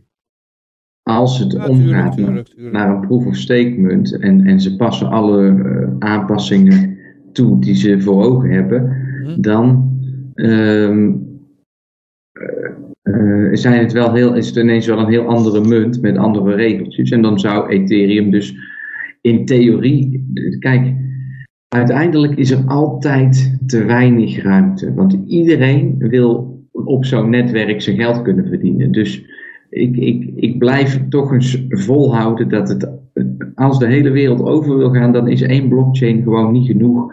Nee, ik zeg ook niet dat het altijd- één blockchain wordt. Ik zeg juist dat, dat je krijgt een leider. Waarschijnlijk wordt het dan bijvoorbeeld Ethereum. Oh, misschien eerst Bitcoin, dan wordt het te duur. Dan gaat men over naar Ethereum, dan wordt dat te duur. Dan gaat men naar Cardano en, en eh Polkadot en al die, al die zooi die wordt allemaal omhoog getrokken. En dan heb je meerdere chains inderdaad, eh, die allemaal bij elkaar. En er is niet één winnaar. Maar Ja. ik denk dat er wel een soort halo effect ontstaat. Zo'n zo'n rush is dat de mensen allemaal eruit willen. Dan gaan ze kijken naar, vaak naar goedkopere opties. En dan krijg je inderdaad dat, eh, dat Bitcoin Cash, eh, XRP, eh, Dash en zo, eh, Nano, dat die dan... eh, de, Ja, ook het idee van, nou, ik heb de rust gemist, hoor. ik was er te laat bij. Dus ik ga maar eh, naar een, een derde rangs project of een tweede rangs project of zo. Op een gegeven moment. Op, eh, nou, wij staan er nu iets van 1100 staan we. Eh, Ik heb laatst, eh, ik ben met iemand aan het spreken. Die gaat, als, het, als ik geluk heb. Nou ja, niet geluk. maar er zijn wel eens mensen, Johan, kan ik even afwijken van de agenda of hebben we het druk? ja, ja, ja, ja. Die zeggen dan, waarom blijf je toch bij dat Liberland hangen en zo? Want, eh, eh, nou, eh, de, de, de mensen om mij heen hier zo, hè, focus nou op iets anders. En, en ik ben dus ten eerste heel erg blij dat het hier zo mooi is, maar dat, dan heeft Liberland zo'n feestje en dan ga ik daar naartoe en dan kom ik gewoon iemand tegen en die zegt, hé, hey, jij bent toch die, die gast die al die filmpjes maakt over dat crypto geld? Want ik heb iets over jou gezien en eh, ik, wil, ik moet ook nog crypto geld hebben. Nou, dus ik ben nou sinds dat festival van Liberland met iemand erover aan het praten. En daar heb ik dus ook die tekst die ik nou in het Engels opgesteld heb, die hoort er een beetje bij. Hm. En eh, dan hoop ik, en dan heb ik gewoon weer aan één keer een eh, jaarsalaris waar mensen hier een heel jaar voor werken, heb ik gewoon in één weekje of twee weekjes verdiend. En dat is niet de eerste keer dat het overkomt. Snap je? Ik heb er al een hoop bitcoins, eh, meer dan 10 bitcoins heb ik er zo wel op binnengesleept. Dus dat is dan toch een, een leuke, eh, ja, hoe moet je erop zeggen? Kun je er toch leuk, leuk op meevaren zo. Je kunt gewoon je eigen token daar beginnen. Je hebt toch een- zo'n license om een bedrijf te beginnen? Kun je daar Ja, een bitcoin eh, Sowieso. handelaar worden daar in het dorp? Nou, dat bitcoinhandelaar, dat is dus nog wel een beetje opstartkosten hoor. Dat is niet zomaar eh, geregeld. Dus ik, ik wil het wel goed doen ook. En eh, dus ja, ik zeg tegen iedereen hier, als de e-guld het ooit doet, dan zullen we zien. Wat, dan doen we wel wat leuks mee. Maar Eh, eh, even kijken hoor, maar we, we hadden een berichtje en dat dat had ook een beetje te maken met, die, met de vorige, met eh, generaal Flynn. Eh, we hebben hier een, eh, de moeder van een eh, gedode of gesneuvelde marinier die eh, bij die bomaanslag in Kabul omgekomen is. Ehm, ja, die, eh, die heeft een Instagram-account en daar had ze haar hart gelucht over deze hele kwestie. Ze heeft ook Oh, nog een ontmoeting Johan. gehad met, eh, met Biden en die is, ja, dat is een uitgelopen scheldtirade waarbij Biden zeg maar met zijn ogen rolde en haar de rug toekeerde. Daar heeft ze dus op Instagram verslag over gedaan. En toen werd eh, haar account geblokt, maar inmiddels is dat alweer actief en heeft eh, Instagram de verontschuldigingen aangeboden. Maar die hebben niet, nooit, niet erbij gezegd van wat de reden was dat haar account op zwart gezet werd. ik denk, Toch Wil je ook wel Ja? Ook wel apart is dat, dat eh, Biden die keek bij elke like-ist, keek hij even op zijn horloge. Daar werden ze- mensen, mensen ook helemaal, helemaal gek van. Dus ze dachten dat hij een beetje verveeld was. Maar ik denk dat het gewoon zijn teleprompter was. Om te kijken of hij nog wel wat hij moest zeggen of zo. Moet Ja, ik wat ja, zeggen? ja. Hup, Het komt gewoon op zijn horloge binnen. Zijn smartwatch. En wat ook nog wel, ja, het is één blamage naar de andere. Er zijn natuurlijk een heleboel Amerikanen achtergebleven. En dan komt er een of andere tolk die op de foto staat op een selfie met Biden. En die roept, Biden, herinner je mij nog je tolk? Red me en mijn familie uit. Laat me niet achter. En zo. Het is gewoon één grote clusterfuck, dit hele, die hele terugtrekking. eh. We gaan het zo nog over hebben wat Biden er zelf van vindt. maar dat Een komt zo groot meteen. succes. Verraad, verraad het nou niet. maar, eh, ja.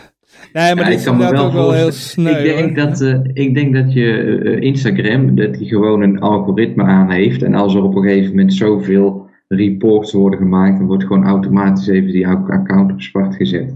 Ja. Zodra dat er 10.000 mensen binnen een uur eh, een account rapporteren, wordt die gewoon automatisch zwart gemaakt. eh dat alle woke, men, eh, woke mensen allemaal hadden gedisliked. Ja, Hoe zoiets. Durf je iets verkeerd over onze zit ook- roerganger te zeggen. Er zit ook een knopje report op. Dus er zijn misschien wel mensen die denken dat dat het leukste knopje van allemaal is. Die zoeken de hele dag naar dingen die ze kunnen reporten. Ja. Overigens ook Ja, er is natuurlijk ook bij dit soort dingen altijd bij de ouders. Je zoon is opgeblazen. En jij hebt een zoon opgeleid die het een goed idee vond om duizenden mijlen ergens een land bezet gaan houden voor, voor een stel criminelen.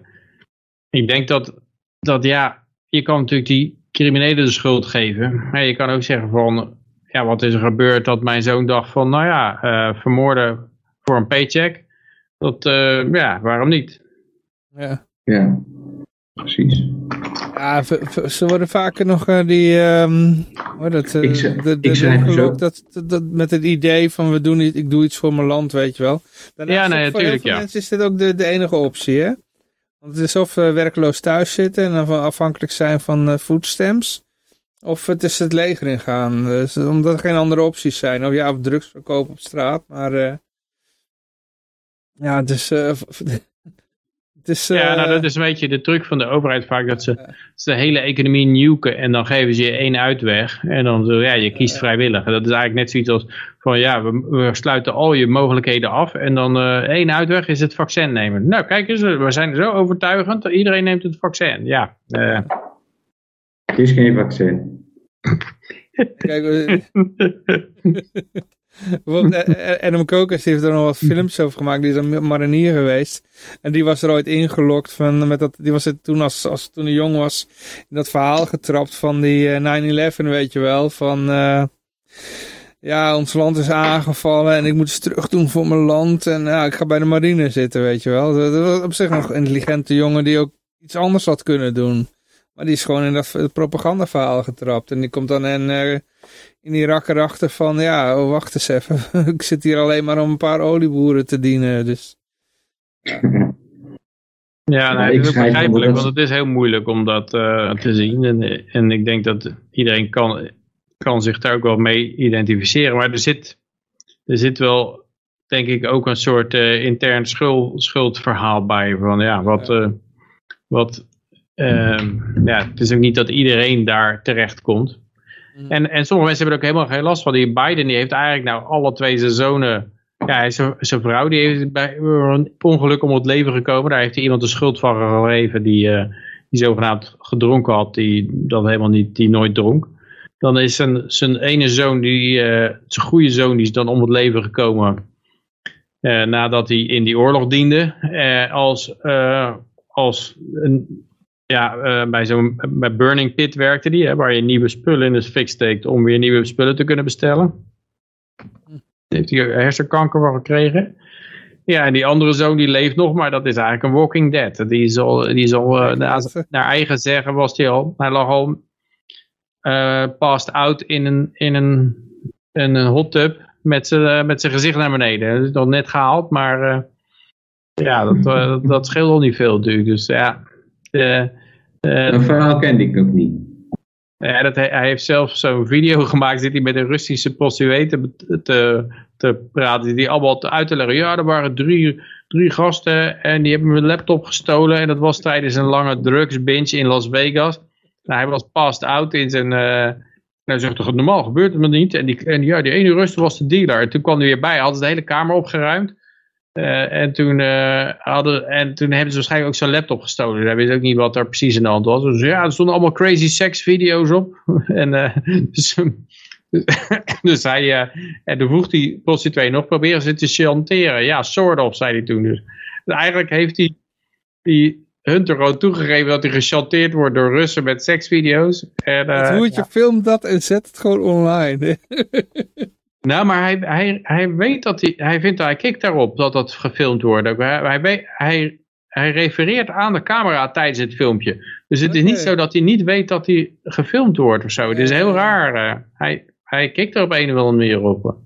Eh, hij zit ook heel veel zichzelf te filmen, hè? Dan zit Ja. hij met, met, een pijp of met een sigaret of met een joint.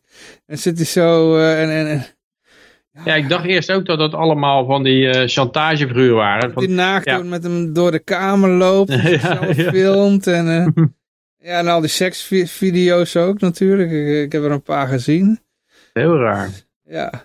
Het was echt alsof hij daarop kikt, Maar- weet je wel. Ik moet wel zeggen, Hunter heeft er alles aan gedaan om te voorkomen dat zijn vader president werd. Het is, het is uiteindelijk niet gelukt, maar als er iemand zijn best gedaan heeft, dan is het Hunter wel. Misschien moeten we meer hun te waarderen. Ja, je moet ik waardeer die heel erg. Hij, hij heeft, hij heeft natuurlijk alle drugs gebruikt die er te gebruiken zijn. Hij heeft eh, onechte kinderen verwekt. Hij heeft... eh, Hij weet niet Eh. eens of hij getrouwd is. hij is met zijn broer, zijn weduwe naar bed gegaan. Kind verwekt bij een stripper. nog, het ontkend. Daarna afgekocht. Zijn geruchten dat hij het ook nog met de dochter van Obama gedaan heeft. Ja, maar dat staat op een filmpje vind ik een beetje moeilijk Ja, dat kan iedere chick zijn natuurlijk. Ja. Ja, dat, Er gaat ook nog een gerucht dat het helemaal niet de kinderen van Obama zijn. Hè? ja, dat, ja. inderdaad, dat, dat, dat kan iedere chick zijn. Dus, eh, Dat Michel een beetje vreemde bezoek bij de gynaecoloog heeft. Gynaecoloog. oh, dat bedoel je. Ja, ja, ja. ja, ja. Nog geadopteerde kinderen, ja. Eh, maar goed, ja, waar waren we ook alweer? Ehm even kijken hoor. Ja, want dit... dit Ja, in Afghanistan waren we. We hebben een hele Afghanistan. Afghanistan gedeelte. We hebben de mother of the marine killed in ISIS-bom hebben we Ja, gehad. die, die hebben we net gehad. En dan ben ik het en een beetje zit ik op een, eh, op een eh, paywall. oh, Washington. Post. Ah, Ja, ja, ja, ja. ja. Ik, ik denk dat ik het daar wel doorheen kom. Want volgens mij heb ik op deze computer wel een, eh, een account van, eh, van Washington Post.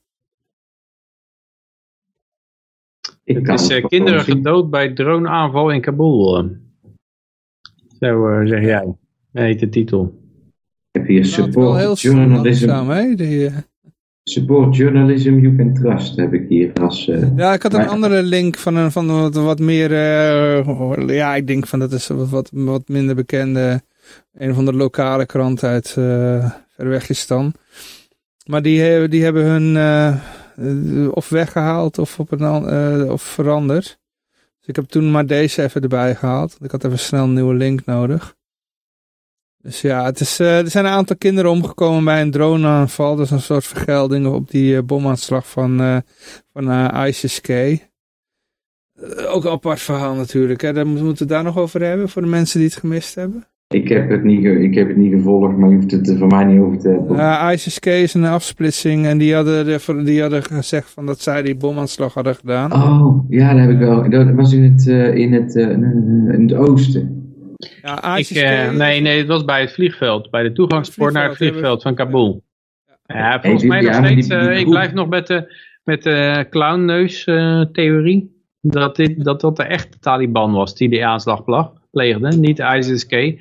Maar dat is de, echte Taliban. Want die, die Taliban die nou zogenaamd gewonnen heeft. Dat is gewoon een front voor de CIA. Die, Eh, in ieder geval de of- officiële lezing is dat, die, eh, dat ISIS-K afgesplitst is van de Taliban. Omdat ze dan de Taliban te nationalistisch vonden.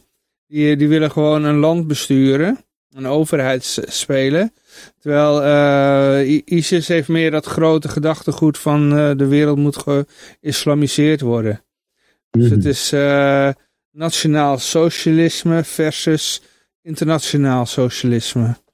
Trotsky en Stalin of zo, Lenin, Ja, of wat heb je daar, zo dat soort verschillen? Ja, of Hi- Hitler en die, die wilde nationaal socialisme en de, de andere internationaal socialisme. Maar goed. Ja. Terwijl Hi- Hitler toch ook veel gedaan heeft om zijn ideolo- ideologie internationaal te maken. Ja, ja, ja. Hm. Geweld. Net als ISIS, ja. nou ja, in ieder geval, dat is, dat is het verhaal dan. En eh, in ieder geval, die, eh, da- dat is de Maar- reden dat die twee elkaar niet kunnen, zouden kunnen luchten. Het kalifaat is dus niet uitgeroepen nou in Afghanistan. Er is geen kalifaat. nee. Nou, we gaan er zo meteen nog daar verder op in. Dus er komen nog wat Oh. dingen naar boven hoor. Dus, eh, beste mensen, het maak borst maar nat. leukste moet nog komen. Ja. Nou, dit is in ieder geval niet leuk natuurlijk. Het is tien kinderen omgekomen bij, of tenminste, nee, niet tien. Het zijn tien familieleden omgekomen bij een eh, vergeldingsaanslag, waaronder heel veel kinderen. Dus, eh, En je zegt al het woord vergelding, dat is natuurlijk altijd fout. ja, ja, ja. Ik vind een vredesmissie vind ik net zo fout. Ja, ja, dat maakt mij echt niet uit. maar ik heb begrepen dat, dat ook dat ze niet een gewone bom gebruikten hierbij, bij het, eh, het eh, doen van de vergelding. Maar dat, dat dat een of ander ding is waar allerlei rondklappende messen uitkomen. Ja, Die, ja, eh, ja. Die, eh, dus het is niet een explosief, maar er, er schieten allerlei messen uit en die snijden, snijden iedereen dan helemaal in stukjes. De razorblade-bom. Ja, zoiets, ja. Eh. Ja, ik had nog even iets eh, erbij gehaald, een oud artikel van, van vroeger. 2015, eh dit komt nota bene van de Huffington Post. Eh, nearly 90% of the people eh, Killed in airstrikes were not the intended targets. In Yemen and Somalia, where the US has far more limited intelligence capabilities to confirm the people killed are the intended targets, the equivalent ratios may well be much worse. Ja, dat is al bekend. Er is ook laatst een of andere dronepiloot die heeft een beetje uit school geklapt weer. Van eh, ja, dan zag je een paar mensen over straat lopen en dan brungelde er iets onder een zijn jurk uit. En zei ja, dat is een antenne. Dat is een terrorist, hè? boom, opgeblazen. En eh, of iemand die met een brommer reed, dat was dan de target. En die probeerden ze, of, of met een truck, die probeerden ze op te blazen. Maar dan, eh, die truck die reed uit een stofwolk weg. Maar moeder en kind die ernaast op een brommer zaten, die waren wel instantaan eh, dood. mm, mm. Dus ja, dat soort, eh, dat soort eh, dingen zijn er allemaal, gebeurd allemaal. Ja, Het is natuurlijk één groot drama. Dat je, dat je gewoon 20 jaar oorlog kan voeren. 2,2 triljard verspillen. eh, dan met een enorme berg wapens dezelfde partij achterlaten. Die je weggejaagd hebt. In de tussentijd nog een heleboel mensen doodgemaakt. Het is werkelijk... eh, En ze nog eh, heel veel eh, cadeautjes doen natuurlijk. Hè? Ik bedoel, die, eh, als je kijkt wat ze allemaal gekregen hebben. Dat, eh ze zijn nou een van de sterkste legers van de wereld. Hè? ja, ze hebben meer Black Hawk helikopters dan veel eh, landen. Ja. Maar ja, Maar ze zijn sterker als Nederland eh, nu met, met hun wapens. Qua wapens dan, hè? Ja, dat zou goed kunnen. Ze hebben geen marine natuurlijk. Dat is, eh, de Nederlandse marine wint het van ze. In Afghanistan. Als ze er kunnen komen. Nou, die kunnen wegschieten, maar- die schepen. ik denk, ik, ik, er is ook wel eens het idee dat, dat als je dus een hele sterke macht als Amerika hebt met enorm veel wapens, dat ze hun vijanden moeten creëren door ze te bewapenen. Dus die moeten ook een enorm berg wapens achterlaten bij hun vijanden. Ja, maar dan noemen we toch pick up the gun. Ik bedoel, ze, ze, Amerika weet wat ze hebben aan wapens. Ja. Dus net als toen nou met, met Irak. Ja, ja, dat is voor hun geen probleem, want ze, ze weten wat de wapens zijn van, eh, van Irak. Eh, want eh, wat, was, wat zei Powell ook alweer? We just have to check the receipt. Ja. Die exact wat, ze, wat, wat voor wapens Irak had. Want die hadden ze van Amerika gekocht. Dus ja, dat is voor hun geen probleem. Dus eh, ja. En daarnaast is het zo, van officieel is het zo, dat is een regel bij de Amerikaanse defensie van als jij, eh, als je bij een ergens wegvlucht of zo, en je laat wapens achter, dan moet dat gewoon vernietigd worden, hoe dan ook. En nu hebben ze wapens achtergelaten, dus die moeten vernietigd worden. Ze hebben reden om terug te keren, om daar bommen te gooien. Hetzelfde verhaal met ISIS. Die, eh, ja, die hadden allemaal Amerikaanse wapens en tanks en zo. Ja, je weet wat er met hun gebeurd is. Ze zijn allemaal onder een laagje bommen eh, eh, terechtgekomen. Nou, die pseudo-Taliban die daar nou de baas is, die hebben al alle wapens opgehaald bij mensen. Ja. en die kunnen dat natuurlijk met geloofwaardigheid doen. Want die zeggen, ja, wij zijn nu de, de officiële regering hier. En eh, We zijn hier om jullie te Veilig. beschermen. je bent veilig bij ons en eh, lever maar in. Dus eh, nou is het, eh, als, ze, als ze dat allemaal in een groot warenhuis neerleggen, deze CIA-Taliban, dan kan, eh, kan het gewoon gebombardeerd worden. Ja, maar ik durf, te- ik, ik voorspel nu al dat ze uiteindelijk gaan ze allemaal, die pseudo-Taliban allemaal onder een laagje bommen eh, terechtkomen. Hmm. Eindelijk komt de VS daar gewoon terug om daar gewoon eh, ja, een bommentapijtje neer te leggen. Ja, maar een bommentapijtje hebben ze jarenlang neergelegd, maar dat heeft niet veel Tuurlijk, maar dat uitgehaald. is ook een doel. Ja, maar jij zegt dat ze dan eh, verslagen worden, maar dat, ja, de, dat, dat lukt dus de eerste keer ook niet. Waarom zou dat nu, de, nu dan wel Ja, lukken? maar dat was ook niet de bedoeling dat het zou lukken. De En nu wel. Dus gewoon dat er, dat er geld wil- witgewassen werd. Ja, dat zal dan de volgende keer ook de bedoeling zijn, denk ik. Natuurlijk, tuurlijk, dat gaat ook allemaal gebeuren. Maar ondertussen zal de Taliban dan een, eh, een laagje bommen terechtkomen. En dan zullen ze het weer gewoon er- ergens anders herhalen. En anders gaan ze het daar gewoon weer herhalen, weet je wel. Dat, dat kijken ze op dat moment eh, wel weer. Ja, ik denk dat ze, dat ze zich meer gaan richten op binnenlandse terroristen, zeg maar. Dat eh, het geweld zich naar binnen gaat keren. Dat ze niet meer zoveel van die buitenlandse... Want dat leger, dat zit dus een beetje af te danken, heb ik het idee. Nou, dat zie je nog niet aan de budgetten. Maar als ze, dat, als ze straks verplicht gaan vaccineren... dan gaat misschien 30% van de soldaten kapt ermee.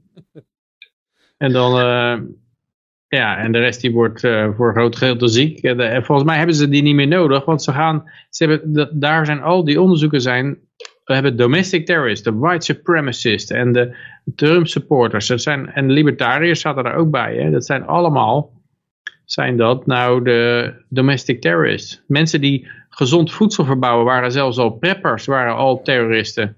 Dus ze zijn een hele klas van domestic terroristen aan het kweken om daar een oorlog tegen te voeren. En dat is veel makkelijker om thuis je oorlog te voeren. Ja, eh kan, kan.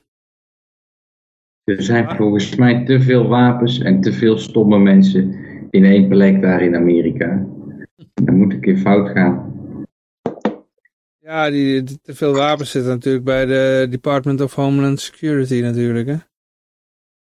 Ja, Ja, maar als die mensen een keer honger krijgen of ook, zo, hè? of als die, als, die, als die olieprijs echt een keer door het dak gaat, hè, dat die gewoon een keer tien gaat of zo. Dat zou dan gaan gebeuren. Mm. Als we daar de, de, de, de Iedereen, iedereen in lockdown. Amerikaanse lente in, in de herfst krijgen. Ik denk iedereen in lockdown. Dat houdt die brandstofkosten lager. En blijven aangeven dat eh, mensen in Mallorca uit hotelbalkons vallen en, eh, en stikken in stukjes vlees. En eh, je moet echt het idee krijgen van vakantie. Hè? Get verderrie, wat is dat? eh linker soep. Dus dan vliegen ze ook niet meer. Bent natuurlijk hartstikke veilig thuis. Terwijl ja, toch de me er gaan toch meer mensen dood in de badkamer dan op de autoweg. Maar goed. ja. Ja. Maar eh, En- ja, even kijken hoor. We, we zitten nog eigenlijk in Afghanistan eh, met qua berichten. Dus eh nou is de grote vraag van hoe kijkt Joe Biden op, terug op dit debakel. En hij ziet geen debakel, hij ziet een groot succes. Niks aan het handje hier hoor. Ja, daar hadden een hoop mensen die, die gaven er toch wel aandacht aan. Hij struikelde maar één keer over een woord, dus dat was ook wel een hele prestatie. Applauswaardig. Ja, Ja, het is ongelooflijk, waar zijn we naar aan het kijken? ja.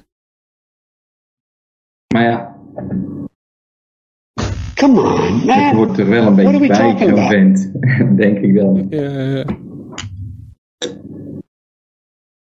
Ja, het is ook wel mooi dat aan het eind van het empire dat je zo'n figuur hebt. Het doet een beetje aan ja, de Yeltsins denken ook. En een beetje aan zo de... Ja, dat was ook natuurlijk een heel, heel eh, raar verhaal. Dat op een gegeven moment Yeltsin was eigenlijk een super alcoholist. En, en, en die moest dan alsnog de verkiezingen winnen. En dan ging Amerika ging dat mee helpen hem de verkiezingen laten winnen. Want anders zou het communisme weer terugkomen. En dat gingen ze met, met Yeltsin voorkomen.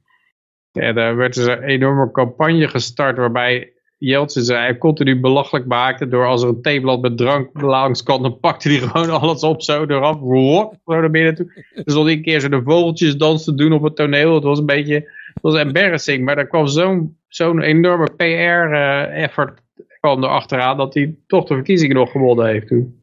ja eh. En eh, zo'n figuur is Biden een beetje, want eh, ja, het is, eh, het is helemaal geconstrueerd iemand. Nou, in ieder geval blij voor hem dat hij dat, hij dat toch allemaal, ja, als, als hij iets geweldigs ziet.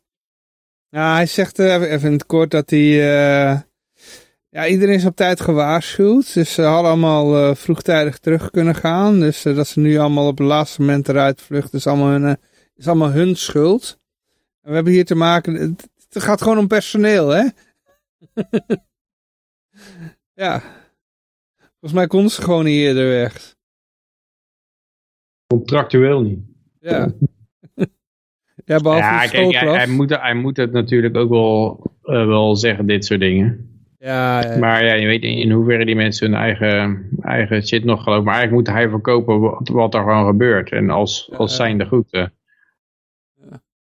Ja. Ik moet zeggen, ook het hele afgeven op Biden. Het is gewoon maar een puppet. Eigenlijk, eh, Ja, het is eigenlijk een demente bejaarde uitschelden. Dat heeft ook geen zin. Nee, precies. eh, hij, hij, zit, hij heeft natuurlijk niet echt... Geef eh, hem, hij weet niet wat hij doet. Ja, hij is, je kan hem niet meer verantwoordelijk achter daarvoor, denk ik, wat er nu gebeurt. Eh, Nou, waarom niet? Want hij heeft wel gewoon deze datum 31 augustus vastgesteld. En 11 de Frankrijk... mensen om hem heen, 11 denk ik. september. Je? Nee, ja, of het- 31 ja, het is augustus. uiteindelijk 31 eh, augustus geworden, geloof ik. En, en, hij- en zij wilden er inderdaad 11 september van maken, maar er stond gewoon 31 augustus. En ze zijn gewend dat iedereen dan zegt, ja, nou ja, ze zijn er toch al. En, de, en, en deze gaan er dan zeggen van, nee, eh, 31. Maar dat is dus vandaag, hè, nu is het 1 september. Dus eh, ja. Maar we, we gaan weer ietsje verder in, want hier zien we natuurlijk, ze, de Afghanistan kreeg eh, natuurlijk allemaal, eh, allemaal eh, geld. Eh, van, van eh, noem je zoiets? eh, for- foreign aid, zeg maar. Ja, dat is... eh, Maar het, is, het vreemde is, ze kregen, de, hun rekeningen zijn afgesloten geloof ik, hè, bij de Federal Reserve en dat soort... Dat eh, wordt nou weer een eh, een middel van onderhandeling. En dan komen we zo meteen nog bij het volgende bericht. mm. Maar eh, dat, dat, dat geld kan best wel, ja het is bevroren, maar het kan natuurlijk best wel ontdooien hè, als het moet. de, enige, de enige macht die het huidige systeem heeft, is dat ze geld kunnen bevriezen. En daar werkt het En ontdooien, uitsluiting. Dus uitsluiting en dan weer ontuitsluitingen. precies. Maar het, ehm, ik hoorde ook dat de Taliban wilde opiumproductie weer stopzetten. Maar dat is natuurlijk eh, een van de belangrijkste exportproducten. Ik vraag me af hoe dat, hoe dat gaat vallen. En je kan CIA, eh, CIA daar niet blij mee is. Ja, misschien dat China het gewoon overneemt en dat het dan, eh, dan weten we het ineens niet meer. Nee, die zijn er helemaal mee gestopt, maar dan gaat het gewoon allemaal naar China. Ja, en toch hebben ze natuurlijk nu ook allerlei synthetische drugs. Hè, dus ik vraag me af. Ja, dat Ja, maar is is- helemaal het geen... is zelfs als een synthetische RNA, dat is toch niet hetzelfde als eh, de real deal. Ik ben er nooit zo van, van dat synthetische spul. Maar ja, Puur natuur. En ook in Ja, de als je- combinatie gebruiken, synthetisch en eh, gewone drugs, dan, eh, dan krijg je een soort Whitney Houston effect. Eh, ja. dat is ook niet gezellig. Ja. Maar ja, in ieder geval eh, voor een eet kan eh, gewoon eh, ontdooid worden. Dus eh, als je maar genoeg... eh, Nou ja, kijk, hun hebben natuurlijk ook weer leverage natuurlijk. Met, die, eh, met al die mensen op het vliegveld. Nee, maar ze staan daar gewoon met de Chinese, weet ik veel wie, op de foto. Ja, ja, ja, ja dat, dat ook, dat ook. Maar ja, dit, dit, was in ieder geval, ja, het komt er al op neer dat het makkelijk ontdooid kan worden als je maar genoeg naar de pijpen van, eh, dan, ja, ja, tenminste, nou ja, dan kom even bij het volgende artikel, dan, dan, dan ga je het een beetje begrijpen. Eh, even kijken hoor. Ja, dit is eh, een I kid you not eh, bericht. Dus eh, Taliban gaat... ehm, Even kijken, volgens mij het is echt een talent als je een nieuwslezer bent en je kan dit bericht lezen, voorlezen zonder in de lach te schieten. Zal ik het proberen? Zal ik een poging wagen? Ja, doe jij dat. Ja, Taliban vows to help fight terrorism and climate change.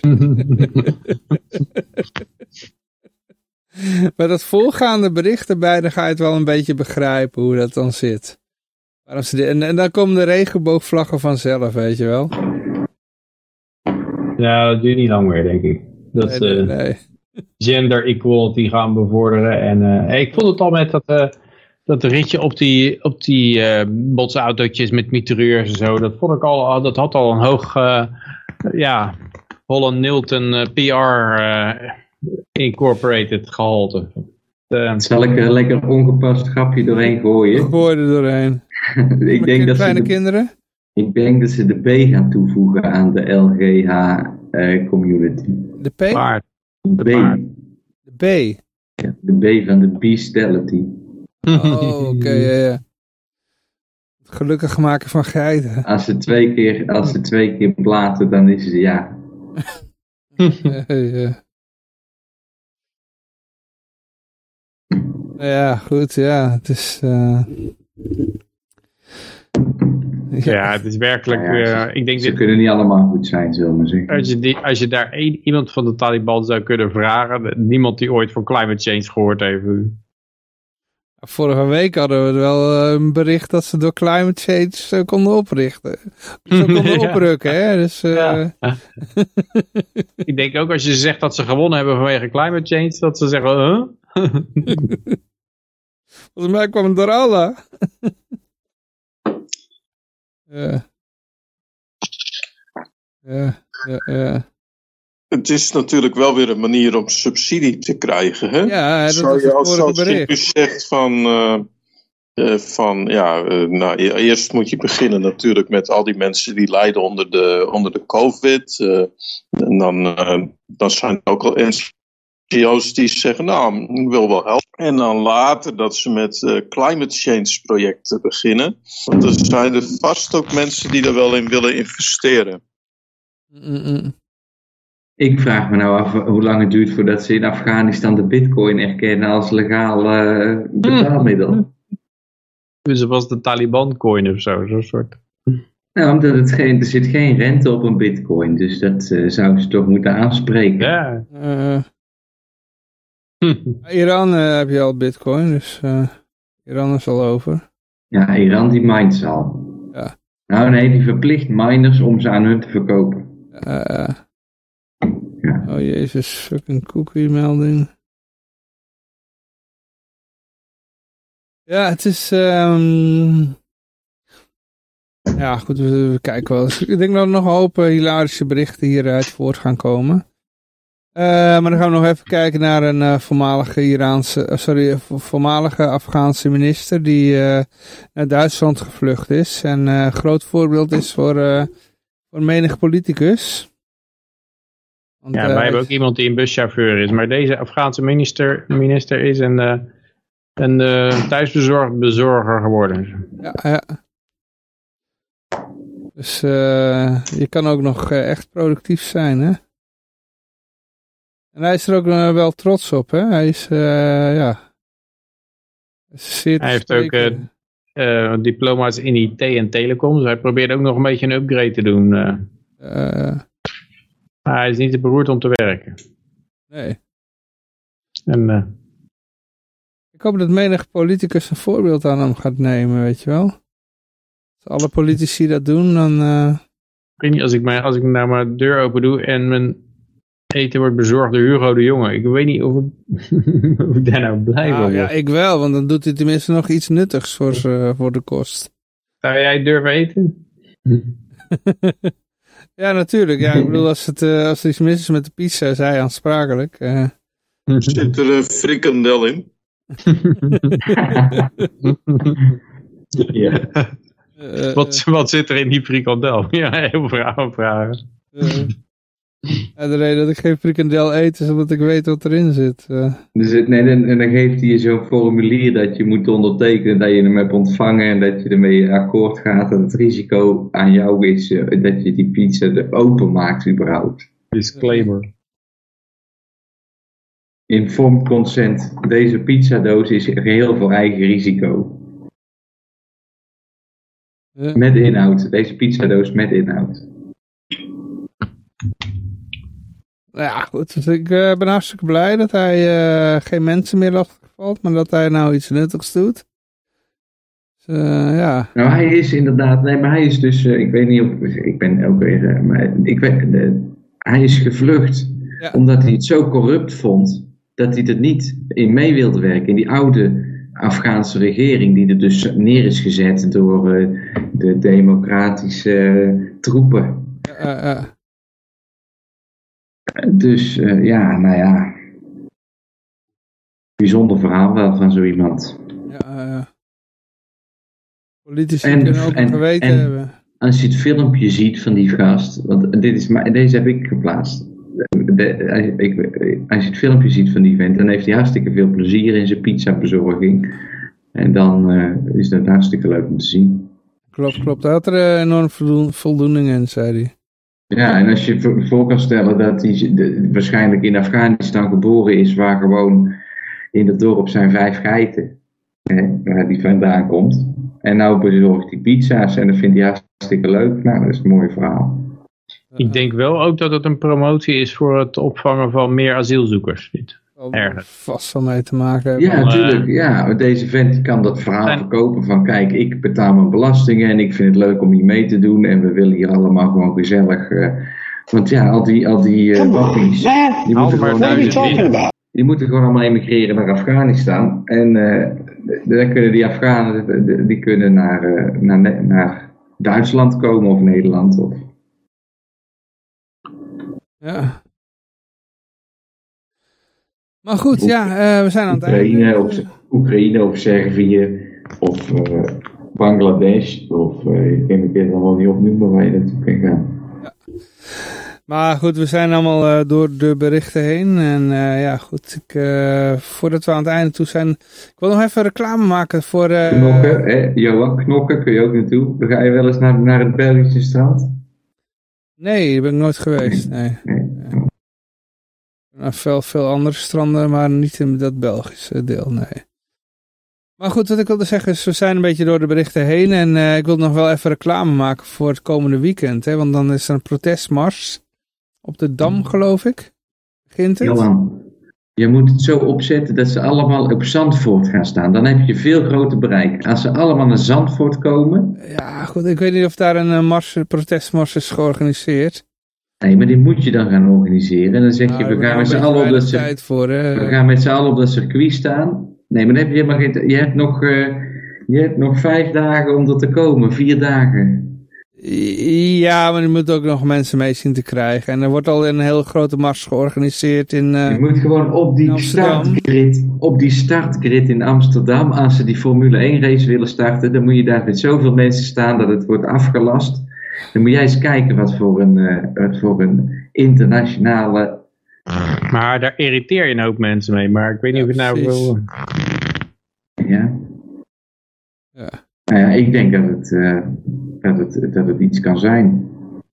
Als je een statement wil maken, waarom zouden die, die, die Formule 1 coureurs met een masker op gaan lopen als ze in die Formule 1 auto Eh, al die mensen die ervoor zijn gegaan, die zijn, die zijn overleden in die Formule 1 auto. Wat moeten die er nou van denken? Dat die, die Formule 1 racers van vandaag de dag met een, met een, mondkapje op eh, die auto ingaan. Of, of, nou ja, dus zich gaan beschermen op die manier voor een, een, virus, terwijl ze topsporters zijn. Ja, ik zou het ook niet weten. Maar goed, ja, in ieder geval, eh, er is dus komend eh, weekend op, op, op, op zondag, hè, was het 12 uur. Op de. Dam, dan begint het toch, eh, Peter? In ieder geval op zondag. hè. Ik weet niet of het 12 uur was. hè. Ja, volgens mij was het 12 uur op de, op de Dam. Had ik begrepen van mijn vrouw. Dus eh, in ieder geval, ik ben er. Jij bent er. Zijn nog meer libertariërs die komen? Eh, ik zal, als je nou streamt, Johan, dan doe ik jou, eh, dan doe ik jou live streamen. Nou ja, ik ga in ieder geval mijn, eh mijn eh selfie stick meenemen. En dan ga ik gewoon op, eh, ik denk dat ik op Facebook ga streamen of op YouTube. Daar kijk ik dan wel op dat moment wel even. Eh, maar ik ga in ieder geval streamen. Vanaf de Dam. Vanaf de Dam, ja. Ben je klaar voor de klappen van de ME? Ja, ik denk, denk het niet, want eh, die hoort dat die, eh, de, de, de Police for Freedom loopt voorop, geloof ik. Het zijn allemaal politieagenten. Dus, eh, die, die tegen de maatregelen zijn. Of in ieder geval tegen politiegeweld zijn. En er Mm, komen iets, mm. er wordt, een half miljoen mensen worden verwacht, geloof ik. Wow, Ik zo- Zo'n grote groep, dat gaan ze toch niet... eh, Die moeten gewoon allemaal naar Zandvoort komen. Ik denk niet dat je kan streamen met, eh, als je zoveel mensen bij elkaar hebt en je hebt een paar streamt, daar. eh, iedereen Daar heb je een 5G-netwerk 5G netwerk voor nodig. ja, Ja, daar heb misschien je hebben ze dat daar. wel 10 G voor nodig. Ja, we gaan het zien of het lukt. We gaan het zien of het lukt. Maar eh, Peter, weet jij of er nog meer libertariërs komen? Eh, nee, ik weet wel van meer mensen die naartoe gaan, maar eh, Of Ja, het van, ja. het van ook? Of, eh, anders stuur ik het van nog wel Nee. een berichtje. Joh. Eh, weet je niet. ja. Ik Moet in ieder geval nog even. Ik, ik ga na de, na de uitzending gaan we nog even kijken hoe we afspreken. Maar eh, in ieder geval, eh, ik ga er een eindje aan brouwen. Eh, Ja, want als je nou al die mensen, als je al die mensen vriend weet te maken, hè, dan hou je er misschien wel 20.000 e-guldens aan over. Eh, eh, eh. Ik, ik, ja, ik, ik- ja, goed. Ja, misschien volgende keer dat ik een eh, mooie Vrijheid Radio eh, eh, dingetje, bordje ga maken. Dat ik zo ermee ga lopen. Maar eh, Misschien kom je wel iemand tegen die andere mensen uitnodigt om vriend te worden. Dat zou nog leuker zijn. ja, ja, ja. Nou ja, als je 20.000 mensen kunt mobiliseren, dan heb je ook voldoende om, eh, om eh, een eigen kledinglijn eh, op te zetten. Kunnen we vanuit Bangladesh je wel in assisteren? Ja, ja, ja, ja. Ja, ja, ja. Nou ja, wij zijn dus nog eh 4 miljoen e-guldens aan het uitdelen. Dus dat is op dit moment 4 ton. En dat is al 7 jaar aan de gang. En daar hebben nu 500 mensen op gereageerd. En misschien als er op een gegeven moment eh 50 euro per dag maximaal mag worden opgenomen, dat de Nederlanders een keer gaan nadenken van waar ben ik mee bezig. Hè? Mm, mm. Ja, Maar- ik denk dat die exit van dit financiële systeem net zo goed geregeld is, eh, voorbereid is en geanticipeerd is als de exit uit Afghanistan. Ja. Want het is, erin gaan is allemaal heel erg eh, gepland en eh, allemaal stadia en eh, we gaan eerst giraal geld en dan de bezussen euro en zo en de conversiefactor. Maar van tevoren was al bijgezegd, er is geen weg terug. En ik denk ook dat, dat, dat die mensen daar niet over praten met elkaar. Van hoe gaan we, de, als het in elkaar ploft, hoe gaan we dat afwikkelen? Ik denk dat het gewoon één grote chaos wordt aan het eind. Net zoals eh, als eh, Afghanistan. Mm. Ja, Ja. zal mij niet verbazen. Want ik denk, Dat ik moet denk maar ook niet wel. dat die politici met elkaar, of die bankiers erover gaan zitten praten van, hey, we weten eigenlijk allemaal dat het eh, onhoudbaar is. Eh, wa- wat gaan we doen als het ploft? Nee, eh, ze blijven allemaal met een strak gezicht beweren dat het allemaal prima is en dat, het, eh, dat je het nog net iets moet fine-tunen en nog een paar regels en nog een paar wetten erbij. En nog iets meer eh, geld drukken en dan komt het allemaal goed. En, dat, Ja. en daar zal er niet één van afwijken die zegt van jongens moeten we geen eh, noodplan hebben voor het geval het misgaat. Nee. Nou Johan, kondig hem nog een keer af. Ja, we hebben in ieder geval eh, ons genoeg stof eh, gegeven om over na te denken, eh, Peter, dankjewel. Eh goed, ik, ik ga afsluiten. Ik wil in ieder geval iedereen hartstikke danken voor het deelnemen. Uiteraard de deelnemers danken voor het... wacht, ik zeg weer verkeerd hoor. Ik wil de deelnemers danken voor het deelnemen. En degenen die geluisterd hebben, danken voor het luisteren. Uiteraard zijn we volgende week weer. Als ik niet in elkaar gemapt ben door de ME. En eh, nou ja, ik, eh, ik zou zeggen toedeledokie. Zo live, livestream vanuit het ziekenhuis. Ja, dat kan ik ook nog proberen, ja. Maar hier is in ieder geval F12.